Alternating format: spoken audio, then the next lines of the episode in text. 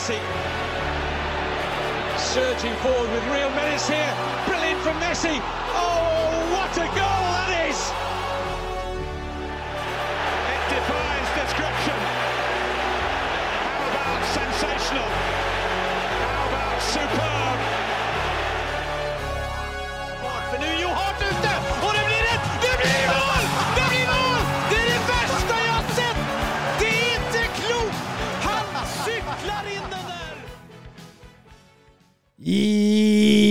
Ja da, velkommen til episode 191 av den vanstyrte fotballpodkasten 90 minutter. Som vanlig i studio, Mats Granvold, Thomas Edvardsen og Søren Dupker. Hallo, hallo. Spesielt at du sa deg sjøl i midten. Ja, det er ikke det litt rart? Det er litt rart. Men det, jeg, jeg, det var liksom sånn Sånn vi sitter, på en måte, så blei det litt naturlig. Jeg veit ikke. Nei, Det ble veldig unaturlig for deg, for du går imot klokka til og med når du tar det på den måten. Så det, Ah, nei, men Mats, du begynner å bli sjuk, sier du? i, jeg er ikke helt i slag nå. Jeg har blitt bare dårligere og dårligere i løpet av dagen. Det var ikke meninga å prate om det her på podkasten, men eh, det er greit å være forberedt. Kan hende jeg forsvinner underveis. kan hende det blir noe ekstra action i podkasten i dag. Mats forsvinner ut og, Ja. og rett eh, ut på toalettet der. Ja, det kan fort skje. Mm. Søren, alt bra? Ja, alt bra. Vi har kjøpt oss leilighet, som er jo gledelig. Oi, oi, oi, det. gratulerer! Jo, tusen takk. Gratulerer. Tusen takk. Var det dyrt?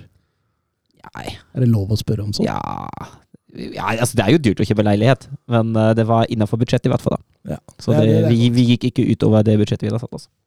Nei, men det er, det er godt. Det er godt. Det er sånn det skal være. Eh, du, du holder ut, eller? Ja, Jeg får se an litt. Ja. Jeg skal bidra så godt jeg kan. Ja, men det er bra. Det er bra. Og så er det jo vi, vi prøver en litt ny vinkling i dag, siden det er eh, landslagspause. Det er liksom sånn siste før innspurten, da. Eh, De veldig mange ligaer ligger på rundt sånn ti kamper igjen. Så jeg tenkte vi skulle gjøre opp en liten status, da. På åssen laga står og, og litt sånt. Og eh, siden Eh, Siden Mats eh, ikke er helt i form, så bare tror jeg vi kjører i gang. Ja, kjør.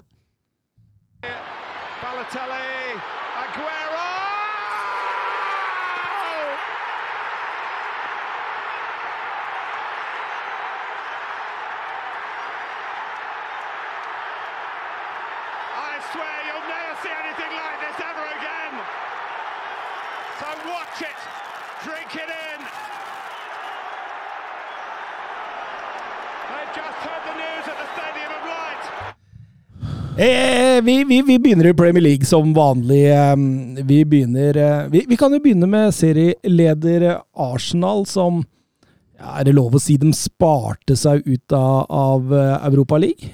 Ja, de eh, tok noen sjanser der og ville gi noen friminutter, holdt jeg på å si, til, til enkelte spillere. Og ja, Sporting lot seg ikke be to ganger, i hvert fall. Nei, Det er klart, den skåringa til Pedro Gonsalves der, det, det er ikke noe han gjør hver uke inn og ut i Portugal, det. Men eh, det straffa Arsenal nok, det. Eh, Jeg så flere diskuterte styrker eh, dette Arsenals titelsjanser i Premier League, at de er ute fra, fra Europa League. Hva, hva tenker du, Søren? Ja, Jeg tenker utgangspunktet. Det er jo en konkurranse mindre å forholde seg til. Det er større pauser eh, i uka. Spillerne kommer til å bli friske. Det er mindre skaderisiko. Uh, vi har snakka en del om at vi mener at Arsenals tropp er tynnere enn Manchester City, så det er klart at å kunne spare den troppen i midtuka er ikke dumt. Uh, jeg har sett en liste over kampprogrammet til Manchester City i april, og det er ganske beintøft også. Det er kamp hver tredje, hver fjerde dag, og at Arsenal slipper det, det så klart er det en fordel.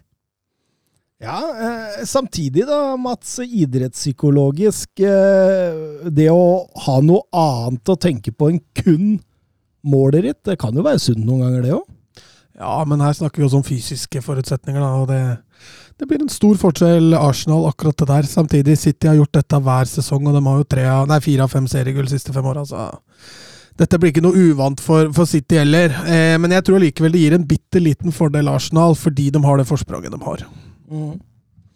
Knuste Crystal Palace 4-1 i helgen. Eh, Snakkisen i forkant var jo at Patrick Vieira fikk sparken på St. Patrick's Day. Det, om, om det var Men, men, men litt forventa, eller? At han fikk sparken? Ja, med tanke på den nedturen Pelles har hatt siden VM-pausen. Jeg syns jo likevel det er overrasket å gjøre det mellom to kamper. De hadde midtukekamp midtukekamp mot Brighton, var det vel, som de tapte. Uh, og, og gjøre det mellom den der Brighton-kampen og AC-kampen, der man uansett går, ut som klar, går inn som klar outsider. Mm. Det syns jeg var en, uh, var en litt sånn merkelig timing, da. Uh, kunne jo sikkert ha venta til AC-kampen og landslagspausen. Ja. ja.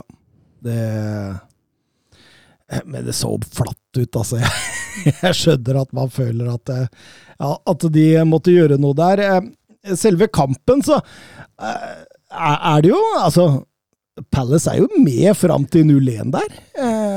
Har en i stolpen der som går i ryggen til Det er jo sluttproduktet fra spesielt de tre der framme som mangler litt. Eh, Saha er jo et konstant uromoment der, men, men det er mangler sluttprodukt her. og det, det ser man at det mangler eh, når de ikke får den uttellinga. Så, så, så glir det liksom litt bort. da. Arsenal som har blitt så gode til å male i stykker mange av kampene sine, gjør jo det igjen når Palace ikke greier å skåre der. Ja, og så snart Arsenal begynner å treffe sine egne spillere i boksen. Eh, Jeg syns jo de første 2025 ikke er særlig bra av Bukayo Saka. Jeg syns han roter bort eh, og slår bort ganske mange lovende situasjoner. Eh, Men når han begynner å våkne, og når han begynner å, å, å finne løsninger med ball, utfordre én mot én, vinne de én mot én og finne egen spiller i boks, da er det egentlig ingen vei tilbake. Og som Mats er inne på, det trøkket som AC bygger opp etter den der 1-0-skåringen, det er kruttsterkt, altså. Men jeg, men jeg tenker jo det er, det er litt flyt eh, for Arsenal også, fordi eh, Sist mot Fulham, Palinja ute. Veldig viktig for Fulham. Nå Joakim Andersen. Veldig viktig for, for Crystal Palace. Du så jo Tompkins. Det ser jo ikke ut som han har spilt fotballførende lenger. Han er jo så langt unna nivået at han får eh, Rob Holding til å se ut som eh, til å se ut som eh, Franco Baresi. Ja, det er ikke gærent. Nei, eh, men likevel voldsomt imponert over Arsenal til tider. Er det. Ja, Han altså- fikk jo et strekk etter den sportingkampen òg, med Gabriel Nei, med åh, Saliba. Saliba. Takk. Med Saliba ute, og Tomiyasu òg måtte vel ut, så, så ja, de var ikke helt i slag Arsenal heller. Nei, og, og det å altså Etter den tapte City-kampen har de vunnet de siste seks i Premier League, og det å slå tilbake på den måten da, etter å ha tapt mot den ergeste rivalen på hjemmebane, det står det respekt av. Men eh, Gustav Horndal han spør på Twitter hva er det Arsenal gjør så ekstremt bra for tiden? De henter ut toppnivå på toppnivå. En fotball hvor Pep møter Klopp. Tatt det beste fra begge verdener og satt det sammen. Jeg syns jo han eh, treffer det veldig godt. Eh, jeg har også lyst til å framheve den defensive stabiliteten som de har. Jeg syns det ser i, I store deler, eh, og i de fleste kampene, ser det veldig bra ut, det de gjør defensivt. Uh, I tillegg er det jo, altså det er han jo inne på med Klopp møter Guardiola, det er flere strenger å spille på. Uh, mot Pelles begynte man først å komme veldig mye ved venstresida, så skifter man fokus opp mot høyre. Uh, og så legger man et voldsomt press og gjenvinningspress på motstanderen. Det er sånn, vet Som motstanderlag man vet ikke alltid helt hva som venter. Eh, og så er det en stor stor fleksibilitet bak det offensive. Leandro Trossa han kan plutselig dukke opp på venstre eller sentralt. Han kan uh, droppe dypt, og andre kan ta rommet hans med motsatte bevegelser. Gabriel Martinelli er veldig bevegelig. Saka når han er i slaget, er en veldig god utfordrer mot én. Og så blir det hele det offensive styrt av en, uh, av en veldig fotballsmart Martin Ødegaard.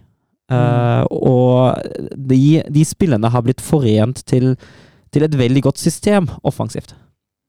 Interessant eh, når han nevner eh, Klopp møter eh, Guardiola, fordi er, man, man ser jo mye pep i det, men de er bare enda litt mer direkte, altså Klopp. Det li- det- det- jeg ser tankegangen til Gustav der, Mats. Ja da, og helt klart også fokuset han har på på den høye gjenvinninga. Det er for så vidt noe pep her òg, men det er litt mer sånn gegenpress høyt der. Det, det er jo litt mer klopp, egentlig. Er, man ser jo igjen begge aspekter fra, fra begge to, egentlig. Eh, de som skal eh, prøve å klå eh, Arsenal i første omgang, er jo Manchester City. Det er de som ligger nærmest. De, de, de ligger og hugger på litt eh, avstand. eh, men, men jeg syns jo det ser bedre ut nå. Plutselig kom 7-0 mot Leipzig, og så kom 6-0 mot Burnley, og så, og så ser jo faktisk Manchester City ut som Manchester City igjen. Ja da, for all del, men det er de jo. Altså, jeg er enig i det. Det mangla litt den derre edgen. Og det vi så mot Leipzig, det var jo veldig bra. Burnley, som har gjort det veldig bra i championship, er kanskje ikke den helt store målestokken, men å skåre seks mål på hjemmebane i en sluttspill i FA-cupen, er uansett sterkt. Så Haaland dukker jo opp på rett sted til rett tid nå i, i tur og orden her, og da det blir vanskelig å stoppe dem. Det gjør det. Hørte Guardiola sa at uh, nå har han åtte mål på fire dager. Jeg hadde elleve mål på elleve kamper i Bar nei, elleve år i Barcelona. Det var jo en litt annen posisjon nå, men ja. jo, jo, men det sier det aller, aller meste. Man har kommet seg litt sånn ut av den kneika nå. Jeg, jeg, jeg lurer fortsatt på hva som skjedde i, i den perioden etter VM der. Altså når det benka alt som var av stjerner og, og Cancelo forsvant og Ja, hva, hva skjedde der? Men, men det virker som man har kommet litt over det nå. altså Greit avansement i, i FA-cupen, og, og trakk jo Trakk jo eh, Bayern München i Ja, får igjen litt for alle de åra med Dynamo Kiev og sånn i sluttspillet der, altså. Ja, Bayern München, det, er, det, det tror jeg kanskje er det verste de kunne trekke der. ja, begge to, egentlig. Mm. Både Bayern og City trakk det verste som var mulig. Ja, absolutt. Eh, men spennende. Jeg tror jo fortsatt på 75-25, så jeg må Jeg står inne ved det. Eh, nummer tre er jo eh, da Manchester United eh, sikra seg avansement også i FA-cupen, de. Eh, gikk også videre i Europa League mot Betis, eh, men, men mot Fulham Man så jo svakheter, spesielt når det var 11 mot 11. Eh, Cristiano Donaldo spør oss eh, snakk om Fulham-spillere og treneres hodemist i FA-cupen. Hvor flaut er ikke på aller høyeste nivå i engelsk ball? Det er jo klinkende klar regel, dette med hens, fordi Fulham roter jo til for seg sjøl. Ja, de gjør jo det. Den uh, hensen til uh, Viljan på streken uh, redder vel mot Er det Jane Sancho? Ja, det er vel sant. Ja. Eh, og så blir det jo vei, og så begynner jo først Altså hagler det jo røde kort. Rød, ko- kort til, til, til Viljan, til Mitrovic og til manageren. Det er godt gjort å få tre røde kort i løpet av er det 30 sekunder? Mm. 50? Noe sånt? Men, men hva, Mats, hva tenker du eh, om de tre røde korta? ho- Hodemist, da. Jeg så mange som sammenligna Mitrovic med Fernandes der. Jeg er til dels enig, men, men det kommer så mange gloser fra Mitrovic der at jeg tror nesten han føler seg trua på livet der, dommeren. Jeg tror han føler at dette kan fort gå galt, så her må jeg bare Jeg må jo få en reaksjon. Eh, Men, men fullt fortjent rødt kort til jeg Men hva, ikke da, hva er det de klager Ja, det er akkurat det, det, det, som, det som Donaldo også er inne på, for det er jo soleklart hens på streken, og regelen er jo klinkende klar på at det er rødt kort. Han ser ut som en keeper der, William. Men når Mitrovic går bort og klager, så peker han jo ned mot straffemerket til United. Så det er åpenbart at de føler seg snytt for et eller annet, da. Ja. Eh, Jeg kan ikke si jeg husker å ha fått det med meg. Skal sies at jeg kjørte, eller at jeg satt på i en bil og hadde den kampen på et halvt øye, så jeg fikk ikke med meg alle situasjoner, men uh. Men uh, det, det, det skjer jo uh, det, det, det skjer jo at da flokker spillere seg rundt dommeren. Det blir, blir kaos der. Eh, Jørn Henland spør om Thomas med sin fløyelsmyke stemme kan forklare dette romantiske bildet av av og TT. Og det, han legger ved et bilde der, og det er ganske kult, fordi der er en ja, hva er det, sju, åtte, ni illsinte spillere som går mot dommeren. Og så er det to stykker som står og holder rundt hverandre som om de var kjærester i solnedgangen, litt i bakgrunnen. Og det er jo bare helt fantastisk, hele den situasjonen der, fordi Luke Shaw kommer jo inn i 100 i den eh, klynga for å liksom Han begynner å dra i Reed, ser jeg der, og sånn. Og så over skulderen på Reed så ser han TT står og smiler til han. Og så, og så ender det bare opp med at han glemmer hele situasjonen og går og klemmer TT midt oppi rabalderet der. Og de står liksom og holder rundt hverandre, mens Nei, det, det, det, Hva er det som skjer der? kjærlighet ved første blikk. Ja, det var helt nydelig. Jeg tenkte Det er nesten sånn at det går an å lage dikt om. Det er nesten sånn. Skulle, skulle nesten miksa det for Jørn Henland her, men Men eh, Manchester United, da, hva sier vi? Tønna er inne på at det er en bekymringsverdig dårlig kurve for Manchester United nå. Er vi, er vi enige? Er er det dårlig nå? Ja, altså, det har jo ikke sett så voldsomt Altså, Liverpool-kampen var jo katastrofe for all del, men det har ikke sett uh, så bra ut mot verken Southampton eller som dere er inne på nå mot Fulham. I hvert fall ikke 11 mot 11. Så ja, det er litt dårlige tendenser nå. Jeg Mm. syns det. Jeg syns han er inne på noe, altså. Ja, så er det sånn De har vært veldig gode veldig lenge nå, da. Det er nødt til å komme en down. Jeg syns de er veldig gode mot Betis hjemme, spesielt i andre omgang. Bortekampen mot Betis så har de god kontroll, så jeg tror ikke det er noe grunn til bekymring om å miste den fjerdeplassen helt ennå, men, men eh, skulle formen vedvare, og de skulle fortsette å gi dårlige prestasjoner, så er det jo ikke bra. Mm. Eh, Slik jeg ser det, da, så har de jo tre meget sentrale spillere. Eh, Marcus Rashford, Casemiro og Varan. Det er liksom De tre er de tre viktigste i laget. Det er liksom de som på en måte bærer laget, da. Eh, hvis du ikke får mål av Marcus Rashford, så, så faller det elementet litt bort, for han er jo ikke noe voldsomt i spillet. Det er mer stikke inn bak og, og true inn bak. Eh, komme bredt og dra seg inn. Eh, gå på skudd. Eh, Casemiro, som nå er suspendert i Det er vel tre kamper til. det er, det er tre kamper nå i Premier League. Og Varaden, som har slitt litt med fysikken. Ja. Det Ja, ja, I tillegg er jo Eriksen også ute, da. Og det er jo, altså, Du mister jo også noe med, med Eriksen ute. Han er jo en, eh, en erfaren spiller. Han har jo fulgt ut den rollen ved siden av Varan veldig godt òg, syns jeg. mm. Som er litt mer offensive av de to dyptliggende. Ja, absolutt. Absolutt. Ja, eh, oppdatering fra studio her. Mats eh, fløy ut. eh, Ja, den eh, stakk jeg. Syns synd på ham, altså. Det så ikke bra ut. han sa at 'jeg skal klare meg til etter La Liga er ferdig'. Ja, men eh, ja, er man, er man dårlig, så er man dårlig. Det, ja, det ser ut som det er. Han sovna nesten i stolen der, altså. Jeg så litt sånn ut, ja. Ja. ja. Nei, det er, det er ikke noe hyggelig, og god bedring. Men da må vi dra i land, Søren. Ja, men det klarer vi fint, da. Det, det, det gjør vi. Ehm, men eh, hvor var vi? Vi var på Manchester vi var på United. Manchester United. Mm. Og, og de sentrale spillerne som, var, som hadde halta litt og vært litt ute og ja. Ja. Eh, men, men til Erik Den Haag eh, du, du tenker at, eh, at det, er, det står til godkjent pluss pluss her? Ja, selvfølgelig. Jeg syns den jobben han har gjort de første åra, er veldig veldig formidabel. Og selv om det blir en svakere kurve nå altså, Det er litt så jeg, det- Selv om det har skorta litt, da, så er det jo fortsatt Det kommer en landslagspause nå, da kan man somle seg litt. Og det er Mm. fullt mulig at det kommer ut av den landslagspausen i et annet driv enn de siste kampene nå, for all del. Og jeg syns jo generelt, altså blir det en topp fire-plassering på Manchester United, så er det jo veldig godkjent, egentlig. Ja. Uh, og jeg syns jo også måten han har framstått, vi har vært inne på det før, måten som han har gitt det laget en ny identitet, måten som han har bygga opp igjen spillere som egentlig var langt, langt nede. Eh, det er altså stor kred til ham, altså. Jeg syns det er veldig, veldig sterkt jobba. Og så må de eh, bygge videre i sommer om de skal bli en tittelkandidat. De må.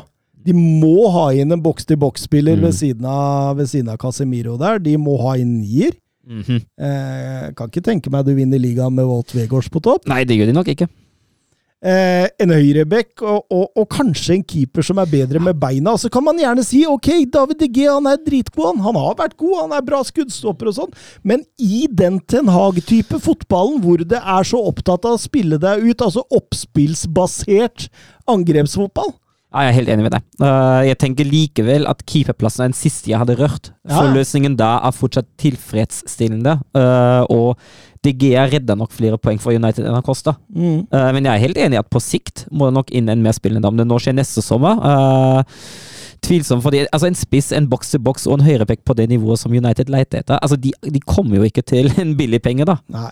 Eh, så det kan godt hende at, uh, at man bygger litt videre på Digea, og jeg tenker jo en sesong til med Digea mellom stengene, det tror jeg ikke hadde gjort så mye, altså. Nei da, nei da. Jeg er helt enig med deg. Det er det siste jeg ville, ville men, men, men samtidig, altså, du skal ikke undervurdere Altså, husker du det første Pep Guardiola gjorde Ja. når han kom til Manchester City? Han henta Claudio Bravo istedenfor Joe Hart. Ja. Ja.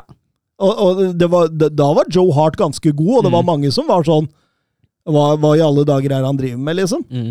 Men uh, han, han henta jo egentlig en dårligere keeper. Men en bedre fotballspiller. Ja, Ja. ikke sant? Ja. Eh, og, og viktigheten av det syns jo rundt det. Nikolai spør oss på Twitter eh, om Saa skulle forlate Palace. Hvilken klubb bør det være? Og han skulle gjerne sett seg for den i Manchester United. Ja, Nå har jo United litt yngre løsninger på kantene der. Jeg føler jo at det også spiller inn. Altså, eh, Trekker han fram Sancho og Anthony? Ja, han gjorde det. Han gjorde det. At, at han var bedre enn Sancho og Anthony. Er du enig, eller? Ikke nødvendigvis. Eh, Jeg syns jo altså, jeg, jeg syns jo nå han er på sitt aller beste. Mm. Eh, så er han veldig, veldig god. Uh, men jeg syns jo fortsatt altså, Hvor gammel er han nå? 28? Nei, han er, han er runda 30. Er han runda 30 allerede? Men han er gratis til ja, ja, ja det, er- det, er, det er jo det er et argument, da, men jeg føler fortsatt det ligger veldig mye uforløst potensial i både Anthony og Sancho, Uh, som de i enkeltkamper til tider har vist at de har. Uh, det er med at jeg føler at Saha viser det toppnivået han har litt oftere enn de to om dagen. Eh, men om man da skal skal, skal sette opp en 30 år gammel kant og sette foran nesa på dem og hindre utviklinga deres litt, da. Det er liksom det som var spørsmål. Mm. Jeg føler egentlig at Sa var vel ikke overbegeistra for perioden han hadde i Manchester Nei, United. fikk en tre seriekamper eller noe sånt. Blei kjøpt av Ferguson, lånt ut av Moyes og vraka av eh, van Gall, og han beskrev det som I was set up to fail. Så han- påsto han hadde egentlig ingen sjanse der. Det var Ja, men det kan, altså, det, det kan jo også tenkes at med en ny manager uh, At det blir litt andre tid. At man holder en uh, grudge på, mot klubben pga. det tidligere managere har gjort. Uh, det, det, det er jo ikke hensiktsmessig, da, men jeg, jeg kan ikke helt se for meg at han, at han passer helt inn i, i Ten Hag heller. Eh, med tanke på Altså, han er jo er jo ikke verdens mest disiplinerte fotballspiller heller. eh, og Man kan fint si mye om jobbinga som eh, Anthony gjør bakover heller, men, eh, men Anthony som er i starten av 20-åra, hadde fortsatt mulighet til å terge det inn. Med en Sahar på 30, eh, som er vant til å være den store stjernen der han spiller, så føler jeg ikke helt at eh, det er så mye mer disiplin og hjemoverjobbing å hente der, altså. Men eh, jeg tror ikke det er veldig dumt for en storklubb. La oss si for eksempel eh, Chelsea, da, Mm. eller Tottenham, eller et eller annet, å, å hente Saha gratis nå for å liksom på en måte bare Ja, altså det, er jo, det er jo en spiller som som sagt på sitt beste er han jo, er han jo veldig, veldig god. Uh, og at han uh, Det er one man uh, attack. Ja, eh, og han var jo veldig Han var jo den farligste spilleren som Pelles nå hadde også bort mot Arsenal, syns jeg. Det var jo veldig mye som skjedde gjennom ham. Eh, og at han kan eh, kjempe om en startplass, eller en, eh, at han i hvert fall er en troppsspiller i, Mm. en, eh, i en storklubb, uten tvil. Så er det vel ikke noe er det vel ikke noe overraskelse at Juventus ligger langt framme i å få tak i deg? Gratis og 30 pluss. what's not to like for Juventus? Vi går over til de som innehar fjerdeplassen, Tottenham Hotspur. Hotspur. Berg-og-dal-bane av en sesong, eh, kan man si. Conte må være den manageren i verden som taler eh, mest med to tunger samtidig, altså. Det er helt umulig å forstå hva han sier noen ganger. Ja. Eh, altså, man vet jo liksom på en måte aldri Er han fornøyd? Eh, man lurer liksom på hva, hva mente han? Hvem er det kritikken går til? Og, og Du tenker på det intervjuet nå etter kampen mot eh, Southampton? det, det, det kan vi jo ta, fordi Petter Martin Støvland sier det må snakkes Conte. For etter kampen så møtte en åpen, lyst irritert Conte pressen og sier følgende eh, De er vant til dette her. De er vant til å ikke spille om noe viktig. De vil ikke spille under press, de vil ikke spille under stress. Tottenhams historie er slik. 20 år med dette eierskapet, og de har ikke vunnet noe. Hvorfor? Ja, og da Altså, jeg ser jo at øh, du har reagert på at han bruker de, Mm. og det er jeg jo helt enig i. For han er jo ansatt i den klubben der, øh, og det er, det er vi. Det er ikke de fra hans perspektiv, altså. Han bør si vi. Nei, du distanserer deg. Altså, for, for meg så er dette så graverende at jeg, jeg forstår veldig godt om han ikke leder Tottenham etter landslagspausa. Ja, og det er et problem. Og det, det, det, altså det minner jo litt om de tidligere, de tidligere konfliktene Conte har lagt opp til med klubbledelsen. Eh, man er han er jo ikke ukjent for det. Han er jo ikke ukjent for å, uh, for å distansere seg fra ledelsen og, og velge en konfliktlinje. Uh, kanskje til og med framprovosere sin egen avskjed. Jeg vet ikke om det er det som var målet, eller om bare var forbanna, men eh, det har noe over seg at han framprovoserer det litt, altså. Ja, jeg sa vel i forrige uke at jeg fortsatt ikke hadde avskrevet at Conte ville fortsette. Det, det gjør jeg med to tykke streker under svaret nå. Ja, senest til sommer er det slutt. Ja, Det jeg altså, 100% men, men, men jeg skjønner ikke kan Altså, tenk da for eksempel en Harry Kane. En, eh, en eh, Christian Romero, en Pierre Emil Høibjerg, for eksempel. Han skal møte disse på treningsfeltet igjen. Ja. Etter, etter å ha sagt det han har gjort. Han skal Altså eh, For det er jo åpenbart kritikk til spillere. ja, definitivt. Ja, det det. Men det er jo også kritikk til, til til, til alt. Altså, Han kritiserer jo egentlig hele klubben, unntatt seg sjøl. Ja. Fordi han sier de. Han Ja. uttar seg jo eksplisitt fra kritikken. Og det er jo det neste problemet. For altså, han til syvende og sist er det han som er ansvarlig for at laget presterer på banen. Det er hans ansvar som manager i den klubben at spillerne presterer som de skal, at de henter de resultatene de skal. Og når ikke de presterer, er det til syvende og sist hans ansvar å få gjort noe med det. Og når han da går ut mot, mot alt annet altså Det minner litt om ansvarsfraskrivelse. Det gjør det. Det gjør det. Og, og, og la oss si, når de gikk ut i FA Cup-kampen mot, uh, mot uh, Sheffield United Da var det jo et lag han satt på banen. Altså, det var et uh, reserveprega lag. Eh, man hadde sannsynligvis gått videre hvis man hadde stilt full førsteelver. Eh, det er han som leda kampene mot Milan. Mhm. Som var Det horrible, i hvert fall Ja. den, den retur, returbjøret i, i London. Så jeg, jeg skjønner ikke at han liksom på en måte klarer å, å si eh, de. Du må si vi her, altså, fordi du er så absolutt en del av det som skjer. Ja, og han er jo den øverste ansvarlig for det som skjer, sportslig, mener jeg, da. Definitivt. Eh, Jeg syns det, er- er hårreisende. Eh, grunnen til at eh, Conte var så forbanna, det var at eh, Tottenham leda 3-1 borte mot Southampton. Hadde relativt god kontroll. Ja, og så roter man bort veldig fort etter 3-1. En nydelig skåring av Perisic bare for å skyte det inn. Eh, Roter man det jo til at det blir 3-2, og så blir det jo Kan vi kalle det latterlig straffespark, da?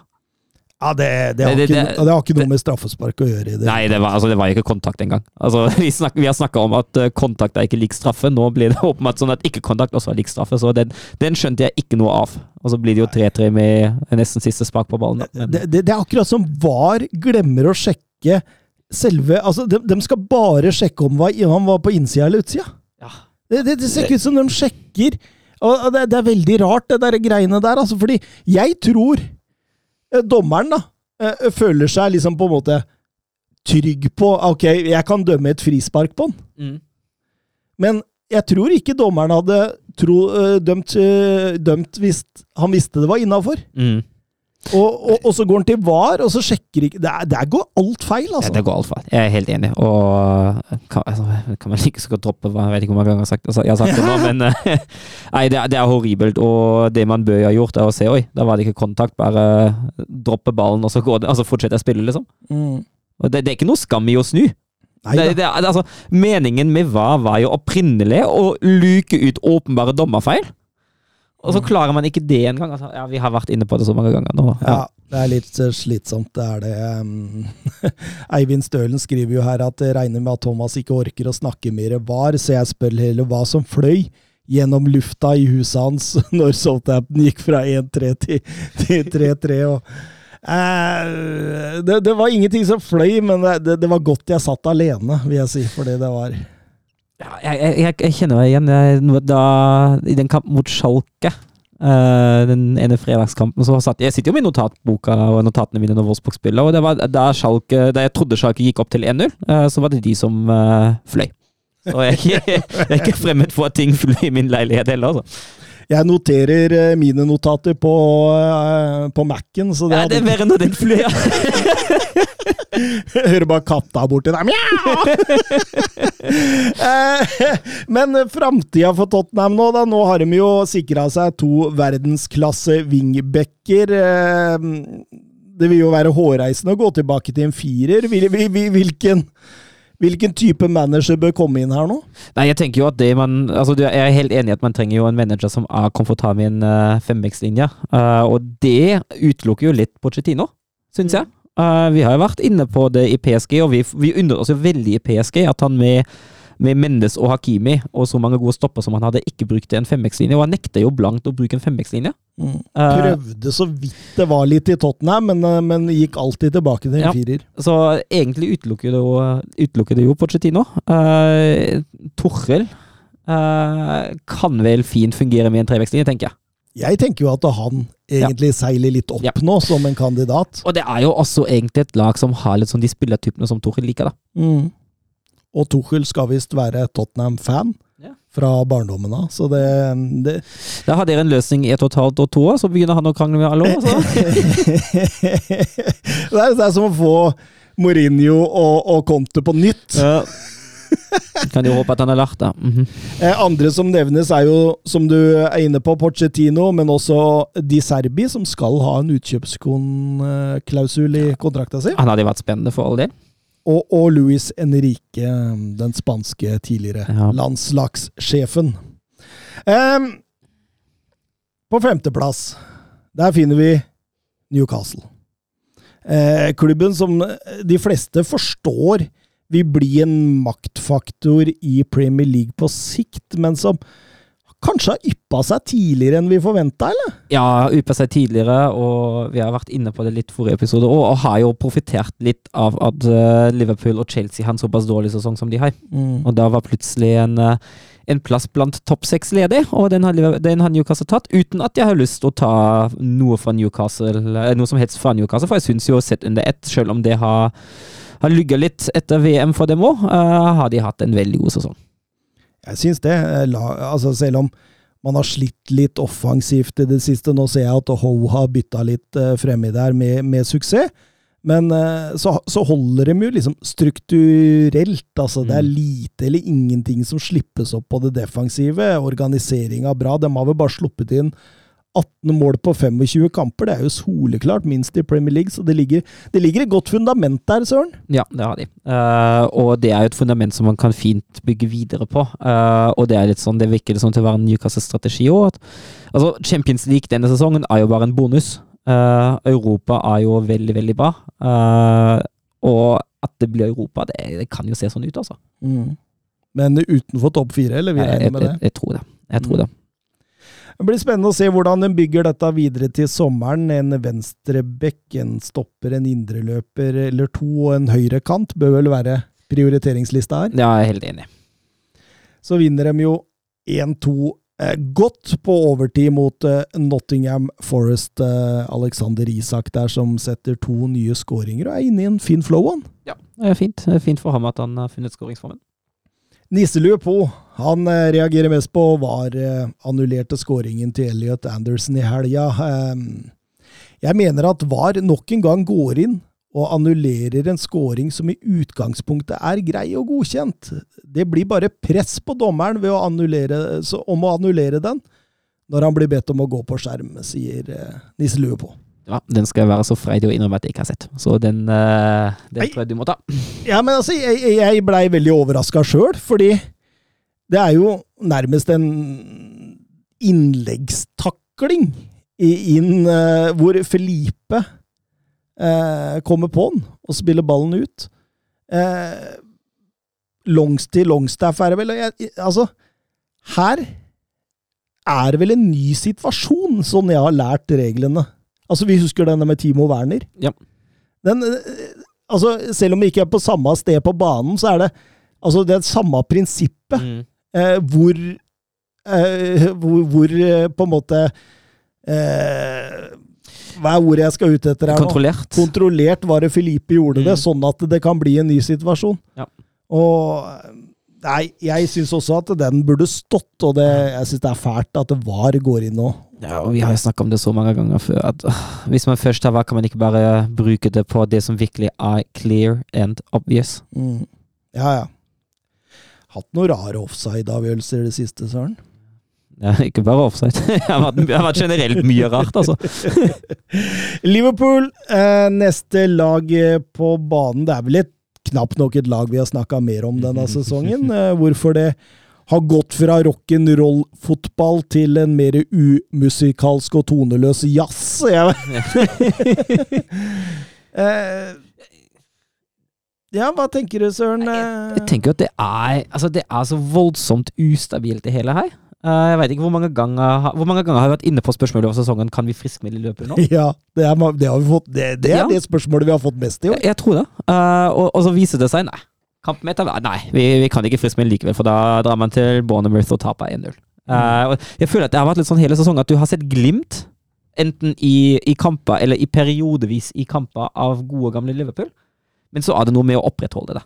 Eh, og det har de absolutt ikke klart. Uh, og det er etter min mening hovedresultatet, eller hovedårsaken til at de ligger der de ligger, nemlig på sjetteplass. Mm. Røyk eh, forventa mot Real Madrid på onsdag var vel sjanseløse, selv om TV 2 gjorde alt de kunne for å, for å holde på en spenning der. Uh, og du ser det i Real Madrid-matchen her også. Altså, de blir så upresise i avgjørende situasjoner. Altså, de, de har egentlig ganske mange sjanser i denne Real Madrid-kampen til å liksom på, på en legge en tidlig 1-0-ledelse og få litt, litt press på dem. Men så innlegga går bak mål, eller én meter over. Pasningen går midt på fot istedenfor at han går i lengderetning. Altså, det, det er masse sånne småfeil, da.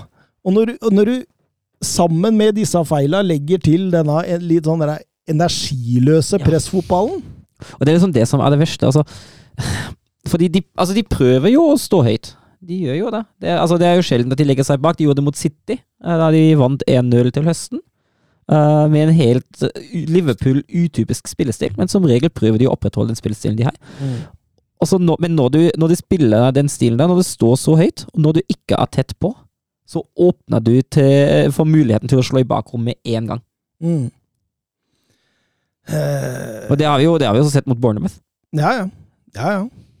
Eh, Premier League fremover, eh, de har jo kun Premier League å tenke på. Eh, ligger på skuddhold til topp fire, så det, det, er, det er jo ikke helt ferdig dette, men har et beinhardt program i april. Ja, det har de. Uh, Det City borte, Chelsea borte, Arsenal hjemme, Leeds borte der, pluss Tottenham i slutten av april. Stemmer det. Og så og så er første, første kamp etter april er Brentford hjemme. Den er, ja, ja. den er tøff, den òg. Ja. Så det må ikke tapes altfor mange poeng her før dette Champions League-toget forsvinner. Nei, det er jeg helt enig. Nå må de virkelig vise seg fra sin beste side og være, være mer stabile. Og også begynne å slå Eller har jo slått en del topplag, da, men uh, begynne å prestere litt, litt jevnere. Og ja, spent på hvordan det går, altså. Fredrik Konradsen eh, spør på Twitter eh, Liverpool og veien videre er interessant. FSG på vei ut, eller blir det min?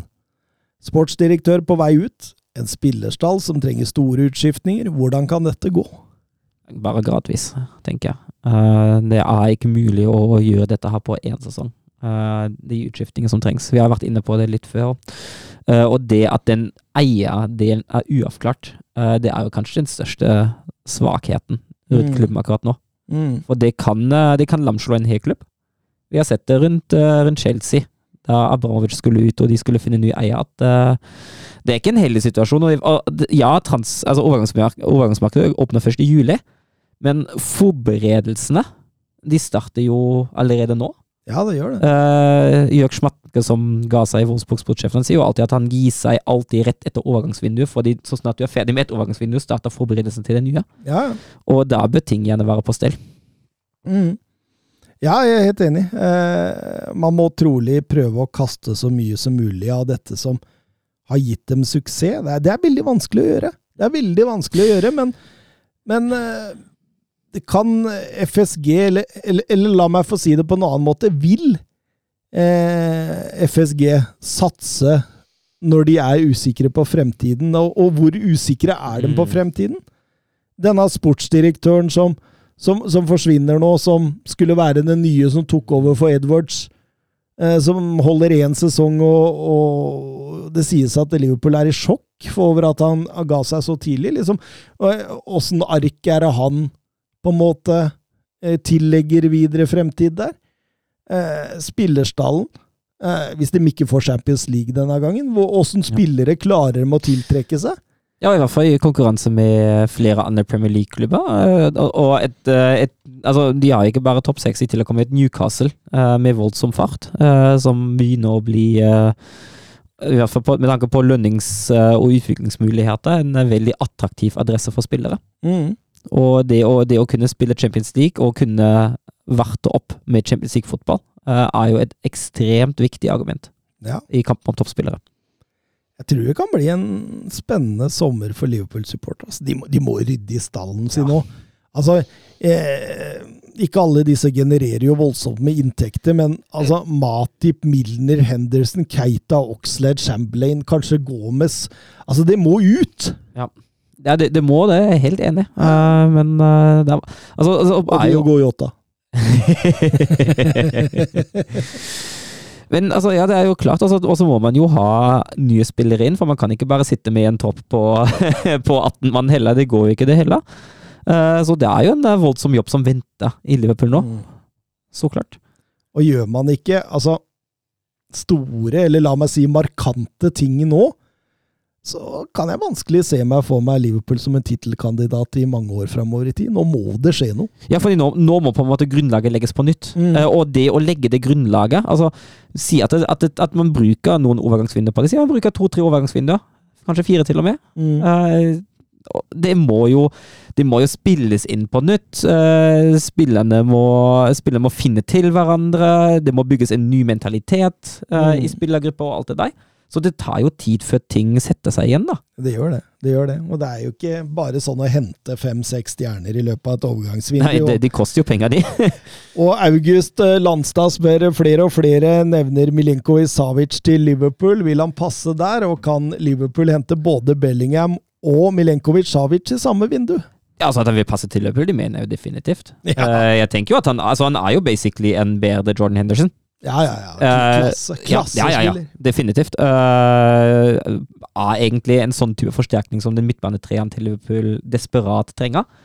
Uh, så er det det med pris, da. Altså han, uh, Jeg sjekket, han hadde, han hadde litt pris, eller markedsverdien ifølge Transfermarkt var 60 millioner euro, men kontrakten hans går visstnok ut uh, 30.6.2024. Ja. Så den siste sommeren som eh, Lazio nå kan selge noe, og det kan jo hjelpe på prisen. Mm. Men da kommer det flere med og, og skal være med, vet du. Mm, det er nok det. Mm. Det er en såpass god spiller. Han er vel blitt 28 nå, Ja. tror jeg. Så Beste alder, òg. det, blir jo gjerne den, eh, den kanskje største kontrakten han skal signere i sin karriere. Mm. Så det blir spennende å se. Eh, eh, men ja, at Liverpool, hvis FSG er med på det, klarer å dra både en, en Bellingham og en Milenkovic Savic i samme vindu, det tror jeg. Det Mm. tror jeg. Det Så ikke- stor er han. Det er ikke umulig, nei. Eh, vi går videre til Chelsea, som ligger litt eh, lenger ned på tabellen der. En Todd Boiley som plutselig kom inn med pengene sine og skulle skape en ny Boiley-æra. Ikke bare ta over en Roman Abramovic-verden, men ikke nødvendigvis noe dum strategi, det. Sparka Tuchel, fikk inn eh, Potter. Eh, brukt eh, 611 millioner euro på de to vinduene, hvis vi følger Transfermarkt, og da tar vi ikke med avtalen rundt Kristoffer Nkonko. Da blir det nesten 700. Eh, Hva, hva tenker du om denne pengegaloppen, Søren? Det er jo spinnvilt. jeg tenker jo at det er galskap.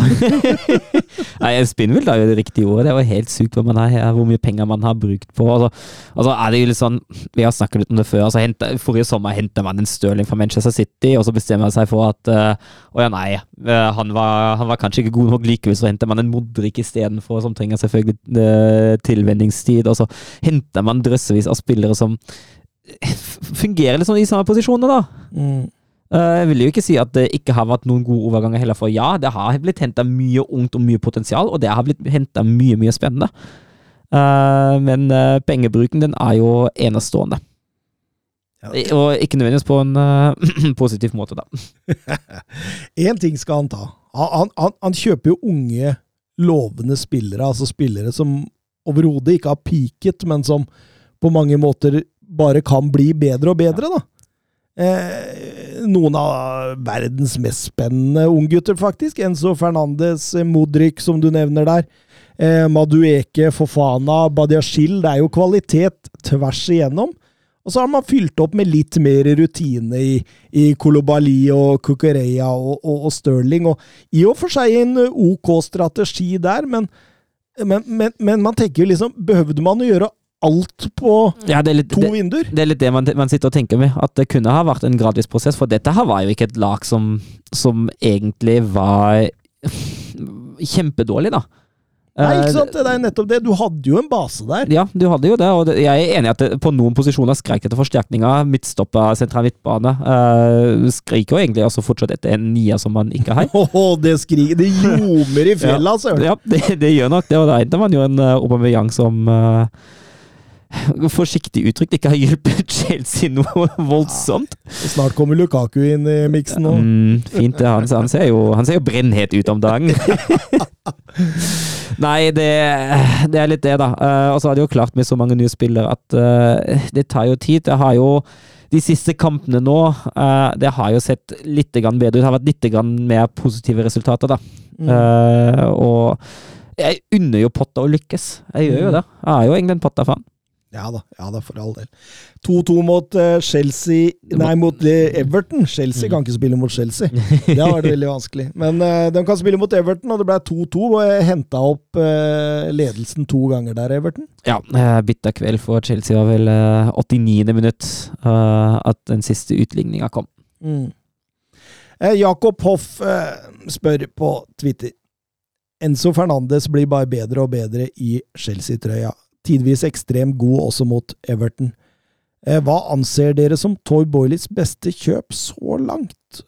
Og jeg har jo stor tro på Enzo mm. Fernandes. Eh, jeg tror han bare blir bedre og bedre. Eh, altså Jeg har jo snakka Enzo Fernandes lenge før han gikk til Benfica.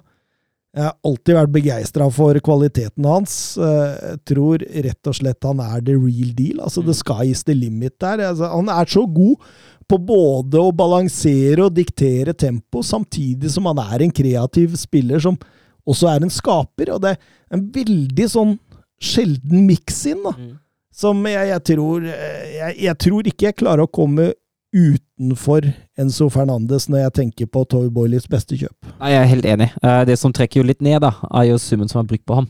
Ja, men, eh, men, men, sånn, det måtte den koste på det tidspunktet. Ja, jeg, jeg, er jo enig i det, for all del. Uh, og så tenker jeg jo også at uh, Badia Shill er et meget spennende kjøp i tillegg, da. Uh, det anser jeg også som uh, som veldig spennende. En spiller med, med et voldsomt potensial, samtidig på en posisjon der Chelsea også hadde stor behov. Mm. Så han, uh, jeg syns han skal nevnes, i hvert fall, men jeg er enig med deg angående Fernandes. Ja, jeg tror jeg, jeg, jeg ender opp der, altså. Bjørn Erik Skorge. Hvilke spillere fra 12. til 20. plass i Premier League hadde passet best inn i de såkalte topp seks-lagene? Eh, jeg har jo snakket litt om, uh, om Saha. Han hadde passa inn der. Ja. Guei også, stopperen der. Hvem er neste lag? Å, skal vi se. Skal vi se? Jeg skal ha tabellen. Uh, eh, Wolverhampton. Wolverhampton ja. eh, Neves og Mateus Núñez. Ja, definitivt. ja. Så, vi... uh, så er det Everton. Ja. Onana. Ja. ja. Han hadde passa inn. Lester Tilemans Tilemans, ja. Tenker jeg. jeg. jeg. ser ikke noen fra Nottingham Forest. Jeg ville hatt opp i topp seks. Mm. Så Tilemans, kanskje. Eh, Madison. Ja. Ja. Mm, Westham, ja, Declan Rice. Rice. Definitivt. ikke spørs engang. Men Bournemouth og Southampton, der sliter jeg litt mer. Ja, ja. Uh, tok vi med Leeds nå? Uh, har de noen, da? Nei, føler egentlig ikke det. Ikke noe sånn som jeg tenker dem klinker inn i, i, i topp seks-laget? Nei. Nei. Nei. Uh, det syns jeg ikke. Ikke, ikke i dette, denne sesongens Leeds, i hvert fall. Kanskje Melier, keeperen, etter hvert. Ja, Gnonto er jo for så vidt også spennende. Ja, jeg får ikke tak på han. Jeg får ikke tak på ja, Vi får se, han er jo fortsatt veldig ung. Eh, Jørgen Nystuen, hvor tre, tror dere Declan Rice ender opp i i sommer? For det han forsvinner vel, sier han. Ja, det bør han jo, definitivt. Og det bør jo bli, eh, bli et topp seks-lag. Jeg, jeg, jeg, jeg, er helt sikker på at det er står mellom Chelsea og Manchester United. Ja, og begge to hadde jo hatt behov for ham. Ja. Definitivt. Og det hadde blitt veldig spennende uansett hvilken vei en gikk, altså. Mm. Det spørs, da. Hvis Liverpool henter Mason Mount, så er han jo god kompis med Mason Mount, så det kan godt hende han Ja, han hadde, han hadde ikke, ikke, gjort en midtbane dårligere heller, altså. Nei, han hadde ikke det. Men, men, men, men, eh, for meg så er det Chelsea og Manchester United som liksom er jeg tror han, det er ett av de to. Mm. Eh, Finn Jørgen Halvorsen. Fire poeng skiller tolvte fra 20.-plass i Premier League nå. En vanvittig bunnstrid. Hvilke lag rykker ned slik det, dere ser på det nå? Det, det, er jo Det er jo veldig, veldig, veldig spennende. Uh, Den er tung! Den er, den er tung. Men jeg har lyst til å sende Southampton ned. Ja. De, de, de, de har, De har kommet seg litt, da. bedre under Ruben Sayes der, altså. Ja, de har det. Uh, Så han trakk fram Bodø-Glimt som eksempel i, dag. Han har jo han? Ja, han har jo Han var jo David Nilsens uh, kampanalytiker i Strømsgodset. Ja, ja, ja. Sant det. Så han kjenner til norsk fotball. Så han Ja. hadde dratt fram Bodø-Glimt i forhold til det. Etter at Tottenham gikk opp til 3-1, så så de danna seg en ring. De Mm. samla Ja, seg ja, seg liksom og, og kom igjen. Ja. Så sa han at det, det så, Sånn gjør f.eks. Bodø-Glimt i Norge. Så. Ja. ja, det er flere norske lag som har tatt, tatt over det fra Bodø og Glimt òg. LSK. LSK, ja. Men altså, den kvaliteten som Southampton har i stallen, da. Det er litt sånn det som, som feller det for meg. Det samme gjelder egentlig Burnamouth. Jeg er på de to, jeg òg. Ja, det altså, og den siste blir, den, eh, den blir veldig vanskelig å, å Jeg tror tippe. Forrest, jeg. Jeg tror Forrest. Forrest, ja. Beklager, Martin. Ja, det er ikke umulig. Altså, jeg tror Wolverhampton kommer til å klare seg. Ja. Det, det tror jeg. Uh, jeg tror også Leicester klarer seg. Ja. Altså, ah, det er så vanskelig. Veldig spennende hva Pelles kommer til å gjøre på managerfronten nå, føler jeg. Eh, det kan være veldig, veldig det er en veldig, veldig viktig signering for Pelles nå. Mm. Eh, hvis de bommer på den nå, så kan de fort havne der nede òg. Det kan være de siste orda i Premier League, så tar vi La Liga.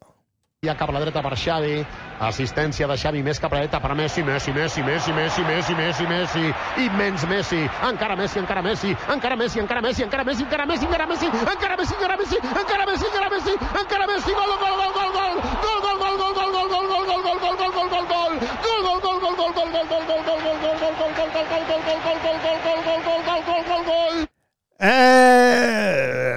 laget som leder eh, La Liga, heter eh, Barcelona, og eh, Jesus gjorde vann til vin. Eh, Xavi har vi gjort en underholdningsvarsel til Atletico Madrid? Eller?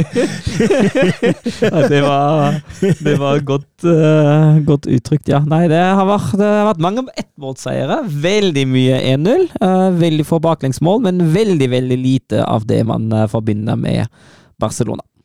Var det ikke sir Alex Ferguson som sa, sa at uh, attacks win you, wins you games, defense uh, wins you titles. Og Savi, jeg tror han har tatt litt etter dette. Altså. Ja, han har nok det. eh, For defensivt ser det jo utvilsomt bra ut. Eh, I tillegg til at man har en ekstremt god Mark André Testegen uh, bak det forsvaret når det først skorter litt. Uh, Men ja, han har jo trygga det defensive, og det ser veldig bra ut. Det er jo bare så veldig utypisk Barcelona å se det der. Mm. Men likevel, det er bare Real Madrid som har skåra mer mål i La Liga enn Barcelona, så det Så man skal ikke male det offensive totalt mørkt. Eh, Robert Lewandowski åpna jo sesongen godt. Det har blitt eh, litt mer stille fra den kanten. Ja, det har det. Eh, og det er jo også De har jo Grunnen til at de har så mange mål altså De skårer jo i hver kamp, og så skåret de jo en god del eh, tre- og firemålskamper før Mm. VM. Eh, etter VM har de jo vært forholdsvis tynt med det. Men eh, det er klart det hjelper å, å skåre i så å si hver kamp. Ja, absolutt. Eh, Pedri og Gavi har jo økt målsnittet sitt. Eh, Rafinha har vært god etter VM. Eh, Ofte eh, har de syntes jeg de har vært best offensivt når Gavi har gått ut venstre, Mm. og, og Pedri tar den eh, venstre indreløper bak han. Ja, jeg er helt enig. Det har, det har fungert veldig bra. Uh, For, for den venstresida der med Ansu Fati og Ferran Torres, de har ikke fått det til i det hele tatt. Nei, det er jeg helt enig. Uh, Fati vil veldig, veldig veldig mye, men får til veldig lite. Og Ferran Torres har egentlig vært en skuffelse i Barcelona så langt. Uh, Jeg syns også det fungerer veldig bra, vi, også, som vi også nå tidvis så mot, mot Real Madrid, med, med en overlappende og bred balde som støtter opp på den venstre sida der. Mm. Jeg syns det, det ser jo tidvis spennende ut. Ja, for det var jo El Clásico i, i helgen. Eh, Barcelona mot Real Madrid, og eh, hva, hva tenker du om kampen? Nei, Jeg tenker jo at det blir en fortjent Barcelona-seier. Mm. Uh, jeg synes jo Barcelona Utvilsomt. Ja. Jeg skjønner ikke hva TV2 drev og snakka Det var mange på TV2 som drev og snakka om at den kampen var jevn. nei, jeg syns ikke det. så ikke jeg. Det så ikke jeg heller. Jeg syns Barcelona kvela Real Madrid med det presset sitt. Mm. Uh, Jeg syns, jeg syns særlig gjenvinningsspillet til Barcelona var fremragende i store deler av kampen. Mm. Uh, Jeg syns ikke det var noe jevnt spilt, egentlig. Uh, det, Barcelona fikk innimellom litt problemer uh, når Real kom seg forbi de første to pressledda. Da var det litt rom. Ja. Uh, og særlig via venstresida når Nacho og Vinicius gikk på tur. Da kunne det bli litt trøbbel. Eh, men i det store og hele fungerte gegenpressingsspillet veldig veldig bra.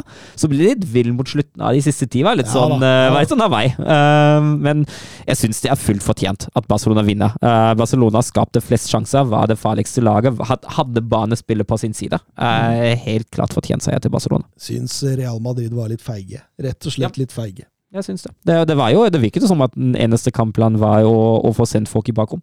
Ja, ja, absolutt. Eh, Tok veldig liten risiko. Lå stramt i, i 5-4 Ja, kall det 5-4 Nei, nei, nei 5-4, sier jeg. 4-4 1, og så tar vi bort Venitius, for han følger jo ikke med i det hele tatt på det defensive der. Skjønner hvorfor du bør bruke Nacho eh, innimellom der, altså Ja. når, du, eh, når du har en Venitius bak deg. Ja, det, Foran deg. ja. Det hjelper, det. Men eh, det, kan jo være bevisst å ha en lignende som kontringspunkt. da. Mm.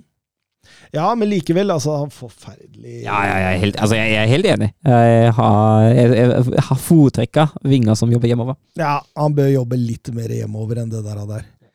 Um, Eivind Stølen spør på Twitter Er det litt ironisk at det var Frank Kessi og Sergio Roberto som senka de hvite kongeskipet? Ja, det var jo det. Og så ble det jo enda mer ironisk uh, ved det faktum at Kessie blir bytta inn for Roberto. Mm. Det var jo basically spillerne i samme posisjon som satt begge mål, og de er jo ikke akkurat kjent for å være målmaskiner begge to, altså. Nei, det er helt fantastisk, faktisk. Eh, eh, Petter Halseth blei La Liga avgjort i kveld. Ja, det ble han. Definitivt. Det, egentlig hadde den jo nesten vært avgjort med uavgjort òg. Men uh, vi bare sier han avgjort. Jeg kan ikke se for meg at uh, Barcelona Altså, ja, vi kan si mye om mange underholdning, men det ser så trygt ut. Ja. Uh, det var ett feilskjær mot Almeria, men utover det ser det fryktelig trygt ut og stabilt. Og jeg, jeg kan ikke se for meg at Barcelona gir fra seg den ledelsen de har nå. Altså. Tolv poeng, det er ren og skjær utopi, det skjer ikke. Ole Haaland, tenk at Barcelona gjorde alt de kunne for å skippe ut Frenkie de Jong. De nesten mobbet han ut. Nå er han deres beste spiller omtrent i hver kamp. Ja, og den kampen han hadde nå mot uh, Real Madrid, det var jo helt enormt. Eh, både med og mot ballen. Han, han eide jo den sentrale midtbanen. Det var jo hans, uansett hvor han satt fot. Altså, det, var- det, var, det var hans. Det var ikke Mm. spørs engang. Han var, han var helt sjef og helt konge der inne. Men eh, det er ganske spesielt at han han blei nærmest forsøkt mobba til Manchester United i sommer. Ja, det er jo ikke noe Altså, den oppførselen som, eh, som Barcelona har hatt mot noen av sine egne, det Det, det, det er, er Men- men- skremmende, men- altså. Men det, det er jeg Altså Det er ryggrad på gutten, da, som Ja, det er det. Fortsett. Altså, det er mange eh, altså, som ville sagt eh, drit og dra, da stikker jeg, liksom. Og så Ja, altså, jeg, jeg veit ikke hvor mange som har funnet seg i en sånn behandling av sin egen arbeidsgiver, da. Han er jo tross alt ansatt og får lønn av klubben, Ja. eh, og at han da dukker opp og jobber og fortsatt er motivert, det ja, Det er jo strålende. og er deres beste spiller nesten Ja, annenhver kamp. Altså, det har vært strålende denne jeg sesongen. syns det. Um, Steffen Hansen. Eh, Først eh, Spotify Kamp nå, så Drake på draktene, nå Rosalia. Åssen føles dette, Mats? Nå er jo ikke Mats her i, i studio for å Jeg, jeg tipper at Mats hadde vært ja, Nå skal jeg passe på å ikke legge ord i munnen på ham, men jeg tipper at han har vært veldig lite begeistra for det der. Altså. Jeg bare tenkte takk, Steffen, så slapp jeg å nevne Spotify denne gangen. Og Jørn Henland han lurer på hårveksten til Ter Stegen. Det er voldsomt. Han, eh, han gror på seg der nå. Ja, fin vanke, det. Eh, Real Madrid, da, åssen tenker du? De ligger jo nummer to i La Liga der, tolv poeng bak Barcelona. Det, det, det er vel fort Champions League som er det eneste de kan vinne nå? Ja, og da har de jo en eh, tøff vei å gå der òg, altså. Uh, møter vel, hvis de kommer seg videre mot Chelsea, som ikke har en lett oppgave, uh, så møter vi vinneren av City og Bayern. De er på feil feil De er på feil side. De er definitivt på feil side. Eh, så jeg ser litt mørkt på det. Altså, du veit aldri Real i Champions League. De har en sånn helt egen evne eh, til å komme seg ut av vriene kamper der òg. Men Mm. jeg ser ikke at det, jeg syns ikke det ser særlig lovende ut for, eh, for Real på Champions League. Og Ja, den, altså, den, den ligasesongen har vært litt sånn bob-bob, da. Mm. Eh, jeg føler jo at det har vært uh, svinginger fra kamp til kamp, og også underveis i kamper. Gjerne slow starters. Eh, ofte har man uh, forsovet det første kvarteret. Mm. Uh, innimellom har henta seg inn igjen, innimellom ikke, og man har, man har avgitt altfor mange poeng uh, mot uh, lag litt lenger ned på tabellen. Også. Jeg er litt spent på hvis det blir et troféløst år denne gangen. Altså, nå vant det vel noe eh, Nå vant det vel noe eh, VM for klubblag der, men Men den skal jo vinne som europeisk lag òg, da. Men uh, utover det, hvis det blir troféløst Tror du Ancelotti ryker da, eller har han for mye goodwill i klubben? Jeg tror han har for mye goodwill. Mm. Uh, kvartfinale i Champions League, i hvert fall. Og en andreplass i La Liga, for jeg kan ikke se for meg at de havner under De, andreplass. har- de har sparka for mindre enn det før. Ja, de har det, uh, men når de henter tilbake Ancelotti, eh, så tipper jeg at han får et år til, altså. Uh, særlig med tanke på at den forrige sesongen var veldig, veldig vellykka. Så jeg føler at han har litt å gå på. Men, men, men til sommeren, da. Altså Modric han orker jo ikke like mye mer. Kroos er ikke like markant mer. Benzemas kontrakt går ut. Om de fornyer den med et år, jeg veit ikke, men han blir 36 i desember. Åssen eh, skal man sette sammen dette laget? Er Dani Ceballos kvalitet nok til å spille uke inn og uke ut? Jeg Nei, tviler jeg, jeg på syns synes ikke det. Eh, Rodrigo, skal han få den høyrekanten sin snart, eller er det Valverde der som er desidert best i den posisjonen? Eh, skal de sette det sammen? Skal de sitte med en manager som sitter på altså, ett års oppsigelse? Altså, det, det, det, det, Det er det er mye rart her, altså. Ja, uh, man har jo begynt å få inn litt ungt blod i Chouameni og Kamavinga for all del, Uh, men det må Så jo kommer Endrick, men det er vel ikke før om halvannet år? Ja, det, det, ene, og det andre er jo det begrensa. Altså, en unggutt som kommer fra Brasil og tar sine første stikk i Europa, man kan ikke regne med at det blir en, at det blir en umiddelbar forsterkning. Jeg er helt enig, man trenger en uh, spiss på sikt. Uh, man trenger også noe i den sentrale linja der. En Bellingham hadde jo vært helt enorm. Eh, det finnes jo andre spillere som kan løse det òg. Vi har vært inne på uh, Milenkovic Savic. Det har fått en spiller som Real Madrid også kan henge seg på. Eh, men ja, eh, det må forynges litt i de sentrale posisjoner, og det er klart at det, er alltid en risiko som er innbefattet med det. Nå syns jeg kanskje Salik, synes jeg kanskje ikke Salik Kroos har prestert eh, som han pleide å gjøre, da. men jeg syns på Kroos begynner man å se at han begynner å bli å dra litt på åra. Ja, Mer på Kroos enn på Modric, faktisk. ja, faktisk. Selv om han er en fem år yngre. Ja. Em, og så er jo spørsmålet klarer de å kvitte seg med Eden Hazard. Han sitter jo fortsatt på ett år til etter sommeren. eh. Ja, det, er så, det må i så fall bli noe sånn Saudi-Arabia eller USA. Altså. Jeg, kan ikke, altså, jeg, jeg kan ikke se for meg at det er en altså, Klubbene som han sjøl sikkert mener han pass, passer ham i, i Europa, de kommer ikke til å være interessert. Det blir sånn, litt som Gareth Bale, da. Litt sånn samme greia, at uh, han, han sjøl mener han er for stor for de klubber som kanskje er interessert i ham, og da blir det jo bare utenom Europa. Husker når eh, Eden Hazard ble henta til eh, Real Madrid. Mats han var så klar på at det kom til å bli en suksess, mens jeg sa det blir et eh, sammenhengende skademareritt og en Jeg tror ikke noe på det. Og det Der fikk jeg faktisk rett. Ja, det gjorde du. Du hadde, du hadde, du hadde egentlig rett. Atletico Madrid um, spilt seg bedre og bedre utover sesongen nå, syns jeg. Ja, jeg syns altså de, de, de gode kamper, uh, de kommer med, med kortere mellomrom, da. Uh, jeg syns jo den kampen nå mot Valencia til Lega, den var overbevisende bra. Uh, ikke noe å utsette på den egentlig i det hele tatt. Den, Nei, det er, det er faktisk ganske kontrollert og greit. Ja, og det er to uker etter at de har slått Sevilla 6 inn i en jeg vil si lignende kamp. da. Mm. Uh, så ja, jeg syns jo det ser absolutt bedre og bedre ut nå. Simione han har, han har kommet seg ut av nok en vrien situasjon, altså. Imponerende. Har lagt sin trygge, stødig, defensive, anlagte hånd over verket sitt, og så har han gjort det mer solid igjen. Han har gjort det mer balansert igjen. Og så, så er det litt sånn Grismann, du får gjøre som du vil. Og det har jo lykkes fullstendig. Ja, det har lyktes veldig godt. uh, og det syns jo han Altså, han er jo Han er jo en ek ekstremt viktig bidragsyter i hver eneste kamp som, som Atletico Madrid må spille. Ja. Kommer imot, stikker ifra.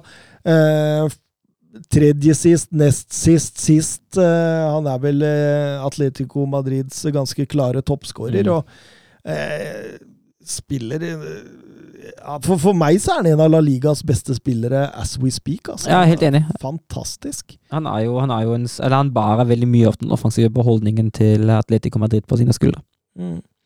Men, men på sikt, da, det begynner å bli en del eldre spillere i klubben Mm. der. Et særdeles rutinert lag. Altså, vi snakka om Grismann, han er vel 31. Carasco, Kåke, Savic, Morata, Saun Ligis. Altså det Witzel, Kong Dombia. Vi kan jo Altså, det begynner å bli et uh, Juventus in the making her. Uh, Ja, det, det gjør det, og der må man også inn med litt eh, med litt yngre krefter på sikt. Det er klart, eh, det hjelper ikke å bare bygge videre på et på et eh, ekstremt eh, gammelt lag.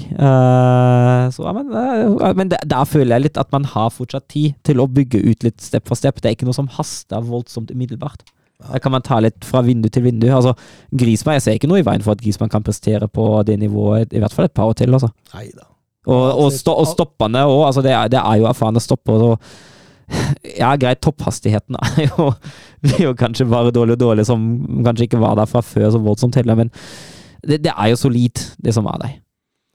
Ja, altså, Atletico Madrid de bygger jo ikke klubb på samme måte som Renn, eksempel. Nei, de gjør ikke det. Så de, de, de føler seg komfortabel med å hente f.eks. en Luis Suárez i et par sesonger fra Barcelona. De, de hiver seg på Matt Dorothy fra Tottenham på 31 når, når, når det er mulig.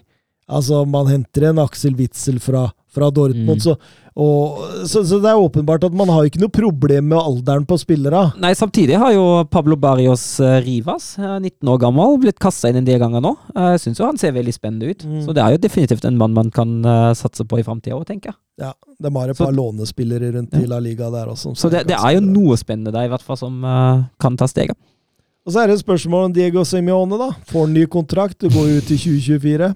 Ja, det er jo, det er jo interessant. Altså, han, altså, jeg tenker jo hvis han fortsetter i det sporet som han er i nå, så bør han jo få det.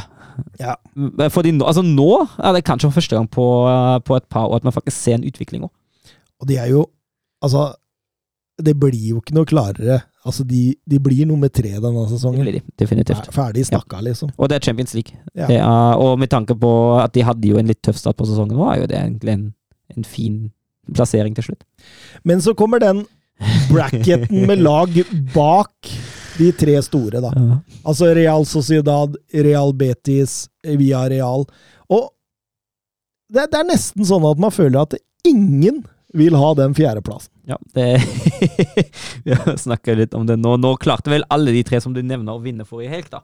Ja, men da gjorde de det samtidig, ikke, Ja, sant? ikke sant? Og så taper de samtidig ja, ja. igjen. Altså, det er helt utrolig. Altså, men hvis jeg skulle kunne trekke fram en favoritt av de tre til å ta den fjerdeplassen as we speak Jeg veit ikke om du, du må gjerne si din eh, mening Mm. eh, etterpå. Men så er det Betis for meg. Ja, jeg er enig. Eh, Sociedad har vært inne i en voldsom svak periode, egentlig. og Vant nå mot Elche, men å vinne mot Elche, det skulle jo nesten bare mangle. Altså, no offense mot Elche, men uh, Nei, ja. det, det, det er ikke noe målestokk lenger. Nei, uh, og Betes har i hvert fall vært solide. Har ikke tapt på, på seks kamper og vunnet fire av de siste. Mm. Uh, de ser jo ut Altså, tendensen der, trenden der, ser klart mest lovende ut, syns jeg. Mm. Men så kommer, som sagt, så kommer det en landslagspause, og det er muligheten til å nullstille litt. Ja. Eh, var, var imponerende 0-3-seieren nå til Villarreal mot Osasona borte. Jeg syns den var sterk, sa det, det, det kommer med et lite forbehold der. Men jeg, det, er, det er så typisk Real Sociedad, dette her. Altså, man, man åpner sesongen meget bra. Eh, og så, så kan det virke som jo lenger og lenger sesongen drar ut, så, så roter de det mer og mer bort. Altså, det, Ja, det har vi det har borte i før. mm, det, er, Mange det, ganger. ja, det, det er typisk. Det har vel vært sånn de siste tre åra, har det ikke? Det har det. Det har det. Eh, åpner bra, så går det på trynet. Sevilla eh, Eh, nå var vi kanskje litt raske med å friskmelde fra nedrykksstrid, altså. Ja, de, de står med begge beina Nå, planta nå ryktes det fra Marka i dag at eh, Sampajoli skal være ferdig. Oi, Det jeg leste ryktet en halvtime før jeg kjørte ut hit, altså. oi, oi, oi.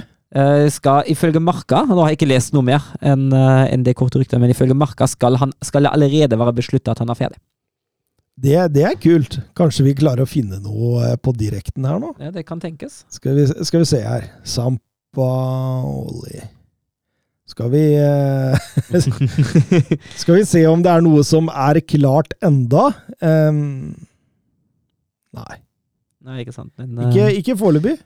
men eh, Men, men, men, men jeg tenker jo nå, nå Altså, altså hør nå, så. Mm. Dette her syns jeg er viktig i forhold til, eh, til, eh, til Sevilla.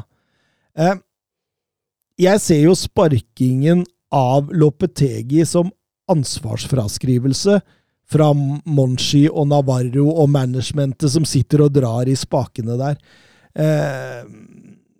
At Lopetegi blei et offer for en ekstremt klønete og håpløs kjøp-salgsstrategi. Eh, Monchi, som skal liksom være den store transfer-guruen i, i, eh, i Spania, han feila. Han feila brutalt i sommer. Det kosta Lopetegi jobben. Eh, det kan nå da koste Sampaioli-jobben.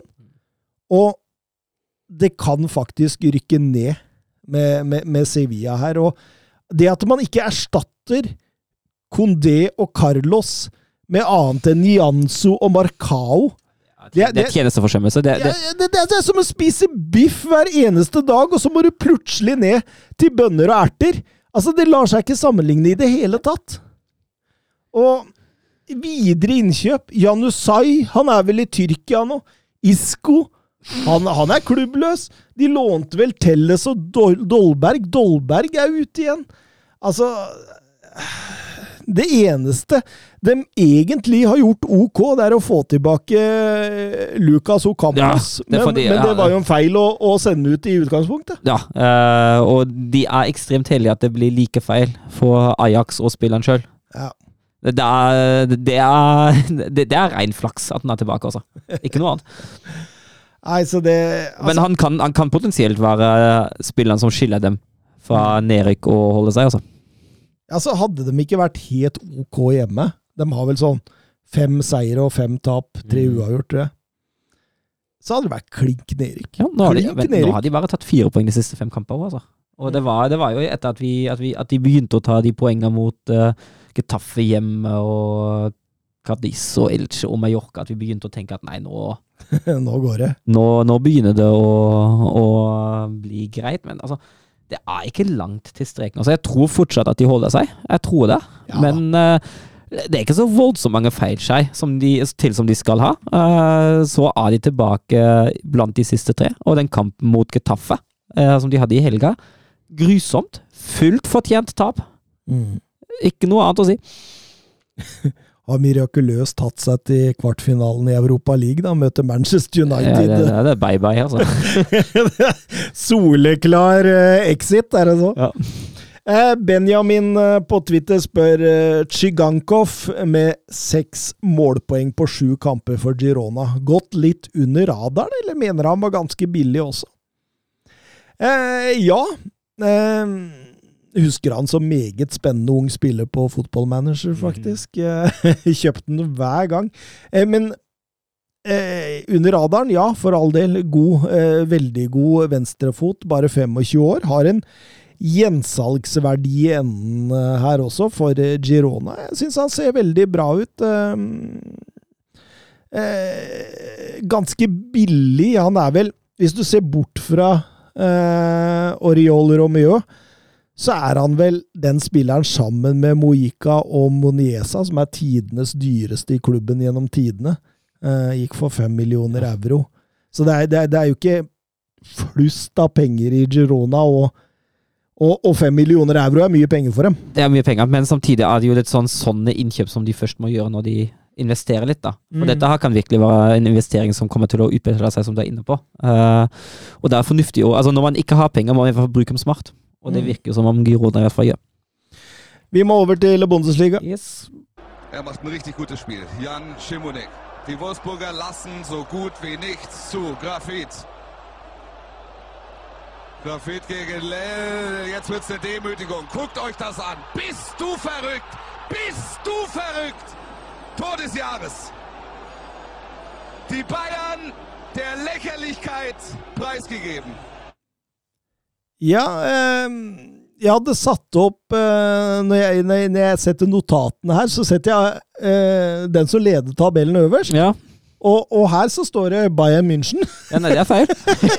det er faktisk feil. Det er feil, så vi må, vi må ta et steg ned, og så må vi begynne i, i Dortmund, som har tatt over serieledelsen i Bundesliga nå, Søren. Det har de. Eh, 6-1 mot Köln-tilhengeren. Meget overbevisende seier. Eh, ikke noe tvil, fullt fortjent. Eh, og den perioden som det er inne på nå uh, Det eneste poengtapet i 2023 var borte mot Schalke 2-2. Ellers har de vunnet alt. Uh, har katapultert dem helt opp til Mm. toppen i Bundesliga. Um, har ikke alltid vært uh, voldsomt overbevisende til tider.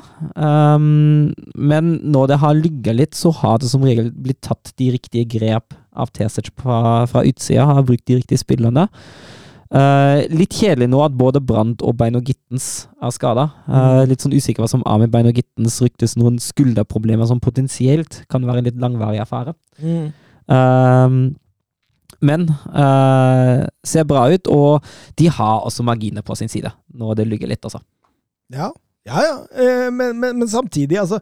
De hadde jo en klar plan eh, tross salget av Erling Braut Haaland der. De skulle bli mer solide, mm. mer balanserte, mer kyniske. Og, med den oppskriften skulle de jo utfordre Bayern München. Det var jo planen til Kerl og, og, og Terzic.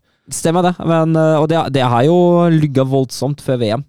Eh, Det var jo voldsom kritikk mot Dortmund-laget som bare lå på jeg tror det var sjetteplass mm. da vi gikk inn i VM-pausen. eh, Og tapt en del før, og så har de somla seg godt. Og Terzic har åpenbart gjort en god jobb i den lange vinterpausen og utnytta den godt, for nå ser det jo forholdsvis stabilt ut. Det hjelper jo at Nå er han jo skada, men det hjelper jo at man i de fleste kamper har en Grigor Kobel bak deg, som Mm. har vært voldsomt god denne sesongen. her. Ikke så dårlig, han som har tatt over der. Nei, Maja er helt habil andrekeeper, han. Mm. Kom fra Jan Regensburg før sesongen. ja. Men, men det, altså, eh, vi er inne på den der med eh, hvordan man prøver å bli liksom fremstå litt mer solide for å nettopp kunne Ja, og- utfordre Bayern München. Fordi altså, Dortmund for meg, da, det er jo attack, attack, attack, attack, Ja, attack hele veien. Det er det ikke så mye mer nå lenger. Og det, Nei, ser, det ser man jo også hvis du ser på valget av venstrebekken, da, at det er Ryerson som spiller. Mm. Ryerson er ikke akkurat en utprega offensiv venstrebekk. Det er en, eh, en meget solid spiller som leverer varene, eh, som har en eh, Unntatt mot Schalke, da. En, en god defensiv trygghet. Han er til å stole på. Ja, han er det. En veldig pålitelig spiller. Og så har man da heller, har Terzic nå heller brukt uh, Rafael Guerrero, uh, egentlig en venstrebekk, som indreløper, og det har gjort seg godt betalt mot både Schalke og Köln, altså. Ja. Jørgen Knutsen sier jo her at uh, Guero kåra til banens beste av kicker, men kontrakten hans går ut til sommeren. Hvor havner han? Hvor tror du han havner? seg? jeg tror han forlenger i Dortmund, ja. Ja. Eh, det var eh, rapportert i tyske medier at Dortmund egentlig ikke ønsket å forlenge kontrakten. Kehl, eh, Sebastian Kehl, sportssjefen, har gått ut og sagt at nei, det er feil. Eh, vi snakker sammen. Det er fortsatt uvisst hva som skjer videre. Åpen framtid på spilleren, men jeg tror med de prestasjonene nå at det blir ny kontrakt i Dortmund. Jeg har hørt City luske litt der. Ja, da kan det bli vanskelig. Mm. Mm. Men uh, ja, jeg, altså jeg kan i hvert fall se for meg at det blir, at det blir fortsettelse av det. Men igjen, altså det er en spiller som er 29 år. Det blir nok en, uh, kanskje største kontrakten i karrieren. Og hvis det kommer en absolutt internasjonal toppklubb som har mer penger enn Borussia Dortmund, så blir det vanskelig for Dortmund å holde på ham. Mm. Men eh, Bayern München, da, som gikk på et um, 2-1-tap mot Leverkosen Det var litt morsomt med de to straffene. Akkurat samme greia. Uh, Adli uh, blir, kommer i bakrom begge ganger. Så- ja, eh, la, oss ta det fra, Ja, vi- fra, ja, ja. fra, fra eh, 1-1 nå, eller Ja. fra første straffe. Dette er ganske morsomt. Det er morsomt. At, første straffe, Atli går i bakrom. Og så blir han felt. eh, og så kommer, kommer dommer Stila og gir Atli det gule kortet. Atli protesterer voldsomt, og så får Stila beskjed på, på øret, ut på skjerm og se, og ja, Pavai, han, eh, han tråkka i halen på Atli. Så- Kanskje litt billig, men ja. ja, ja, men han er, altså, det er i hvert fall ikke gult for filming. Nei, nei, så dommer sier nei, da, han tråkker jo ned på ham, så det blir, eh, han gjør om det gule kort. Og så peker han på straffemerket, og den setter Palacios. Og så er det 1-1. Og så er det 1-1. Og så prøver jo Bayern å komme seg fram, eh, og prøver å skåre, men eh, åpner bakrommet, og så i, i det bakrommet er det nevnte Adli, da, som går, og så går han i boksen, og så er det en duell med Opamecano. Og så går Adli i bakken, da. Og så kommer Stila og gir det gule kortet til Adli på filming Andre gang! På andre gang, og så får Stila igjen Og du, på men du ser Adli flirer nesten. Ja. For han skjønner at eh, han viser Ja, VAR-tegnet ja. til, og så ler han. Ja. Og så går, går han jo ut på skjermen og sier nei, det er jo kontakt mellom Opamecano og Adli, og det, det var det jo. Det var soleklart. Det var soleklart. Og så blir det, blir det ikke noe gult kort på Adli, det blir straff, og det blir Palacio som setter han i samme hjørne som han satt den første. Og det er Leverkusen snuttet til eh, 2-1, altså. Og, og, og med de to straffeskåringene så sender de Bayern München ned på en andreplass. Ja, altså Voldsomt uinspirert uh, forestilling at Bayern en kamp mot Leverkusen. Jeg blir sjokkert. Eh, Jeg syns jo også allerede i første omgang at Leverkusen er det beste laget. Uh, Nagelsmann fant aldri ut av det grepet som eh, Alonso gjør med Andrich, eh, som blir en sånn vandrende eh, hva kan vi kalle det? Vandrende midtstopper som går opp i den sentrale midtbanen. Uh, Fungerer veldig bra i oppspillsfasen og sørger også for at Bayern egentlig aldri klarer å få overtallet sentralt. Mm. Uh, jeg syns nå uten Choupo-Moting, uh, med Mané og Mulla på topp, som begge to er svake. Jeg syns man er litt sånn tilbake i, i den For i den kampen her, i den fasen i starten av sesongen, da, man, da Nagelsmann brukte en sånn veldig flytende angrepsspill uten en Mm. klar spiss, jeg syns det er litt sånn tegn til det at det oppspillspunktet, den trusselen i boksen, den mangler rett og slett.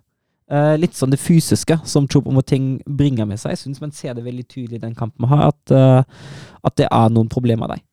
Eh, Så må man Altså, og så har kommer jo den kampen en dårlig kamp nå, etter en periode med en del uh, gode til brukbare kamper. Uh, så nå skal jeg ikke snakke om en ny Bayern-krise etter én kamp, da. Nei, men de hadde jo denne, dette tapet mot Borussia Mönchengladbach også, midt inne i en rekke gode resultater. Så, og så har de jo hatt disse to down-periodene.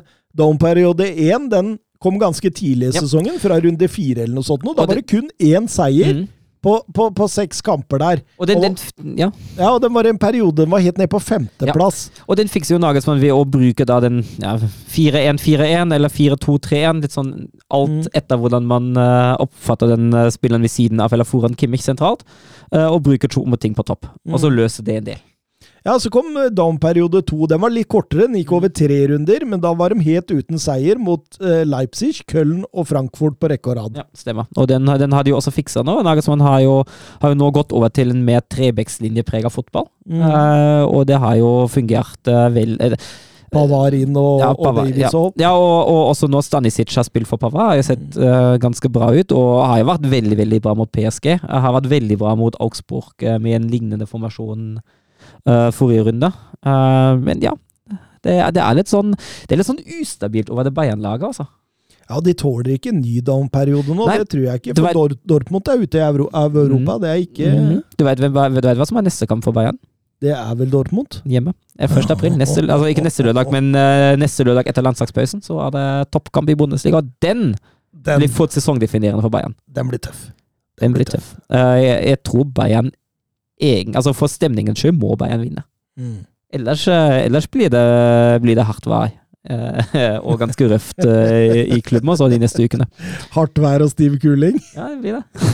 Jeg så Oliver Kanoren på tribunen der. Ja, var, De var ikke happy. Nei. Jeg skjønner jo det. altså som sagt, Den Leverkusen-kampen den, var- den var fryktelig tynne saker. Det, altså, og nå er jo også Mosiala skada. Han har reist hjem fra landslaget med en hamstringskade. Så det er vel høyst høyst usannsynlig at han drikker den Dortmund-kampen. Oi, oi, oi. Eh, Torjus Hansen, er dere like sikre på Bayern München-gull nå? Ja. jeg digger det.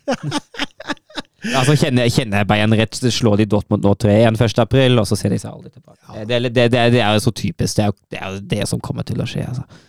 Ja, altså for, og så ser jeg, når jeg så på programmet deres, det er flere potensielle bananskall for, for uh, Dortmund. Ja, det er det. Så De har tøffere program igjen, altså. Eh, Leipzig, da, de har falt litt av. De var jo liksom på en måte Vi, vi tenkte kanskje å kunne bli en trio oppi der. Eh, Mm. Det samme gjorde vi med Union, men, men Leipzig eh, Ja, har vært litt ustabil de siste år. Altså, de siste De siste kampene i Bundesliga har vært eh, tre tap og tre seire de siste seks. Uh, tap mot uh, Union eh, hjemme, mot Dortmund borte og nå mot Bochum, Bochum borte. Er alle etter 7-0 mot City, eller? Mm. Og Når er det 7-0-tapet mot City? Nei, det var jo det var, det var forrige uke nå. Det var Ja, midtuka. så- Så det er, det er Bochum som kom etter den. Uh, men det har vært litt sånn svingning i prestasjoner i Leipzig, føler jeg. For sitt beste er jo dette her veldig, veldig solid. Vi så jo også det mot Mönchenglattbach. Uh, det var jo en kamp som fort kunne ha bikka begge veier.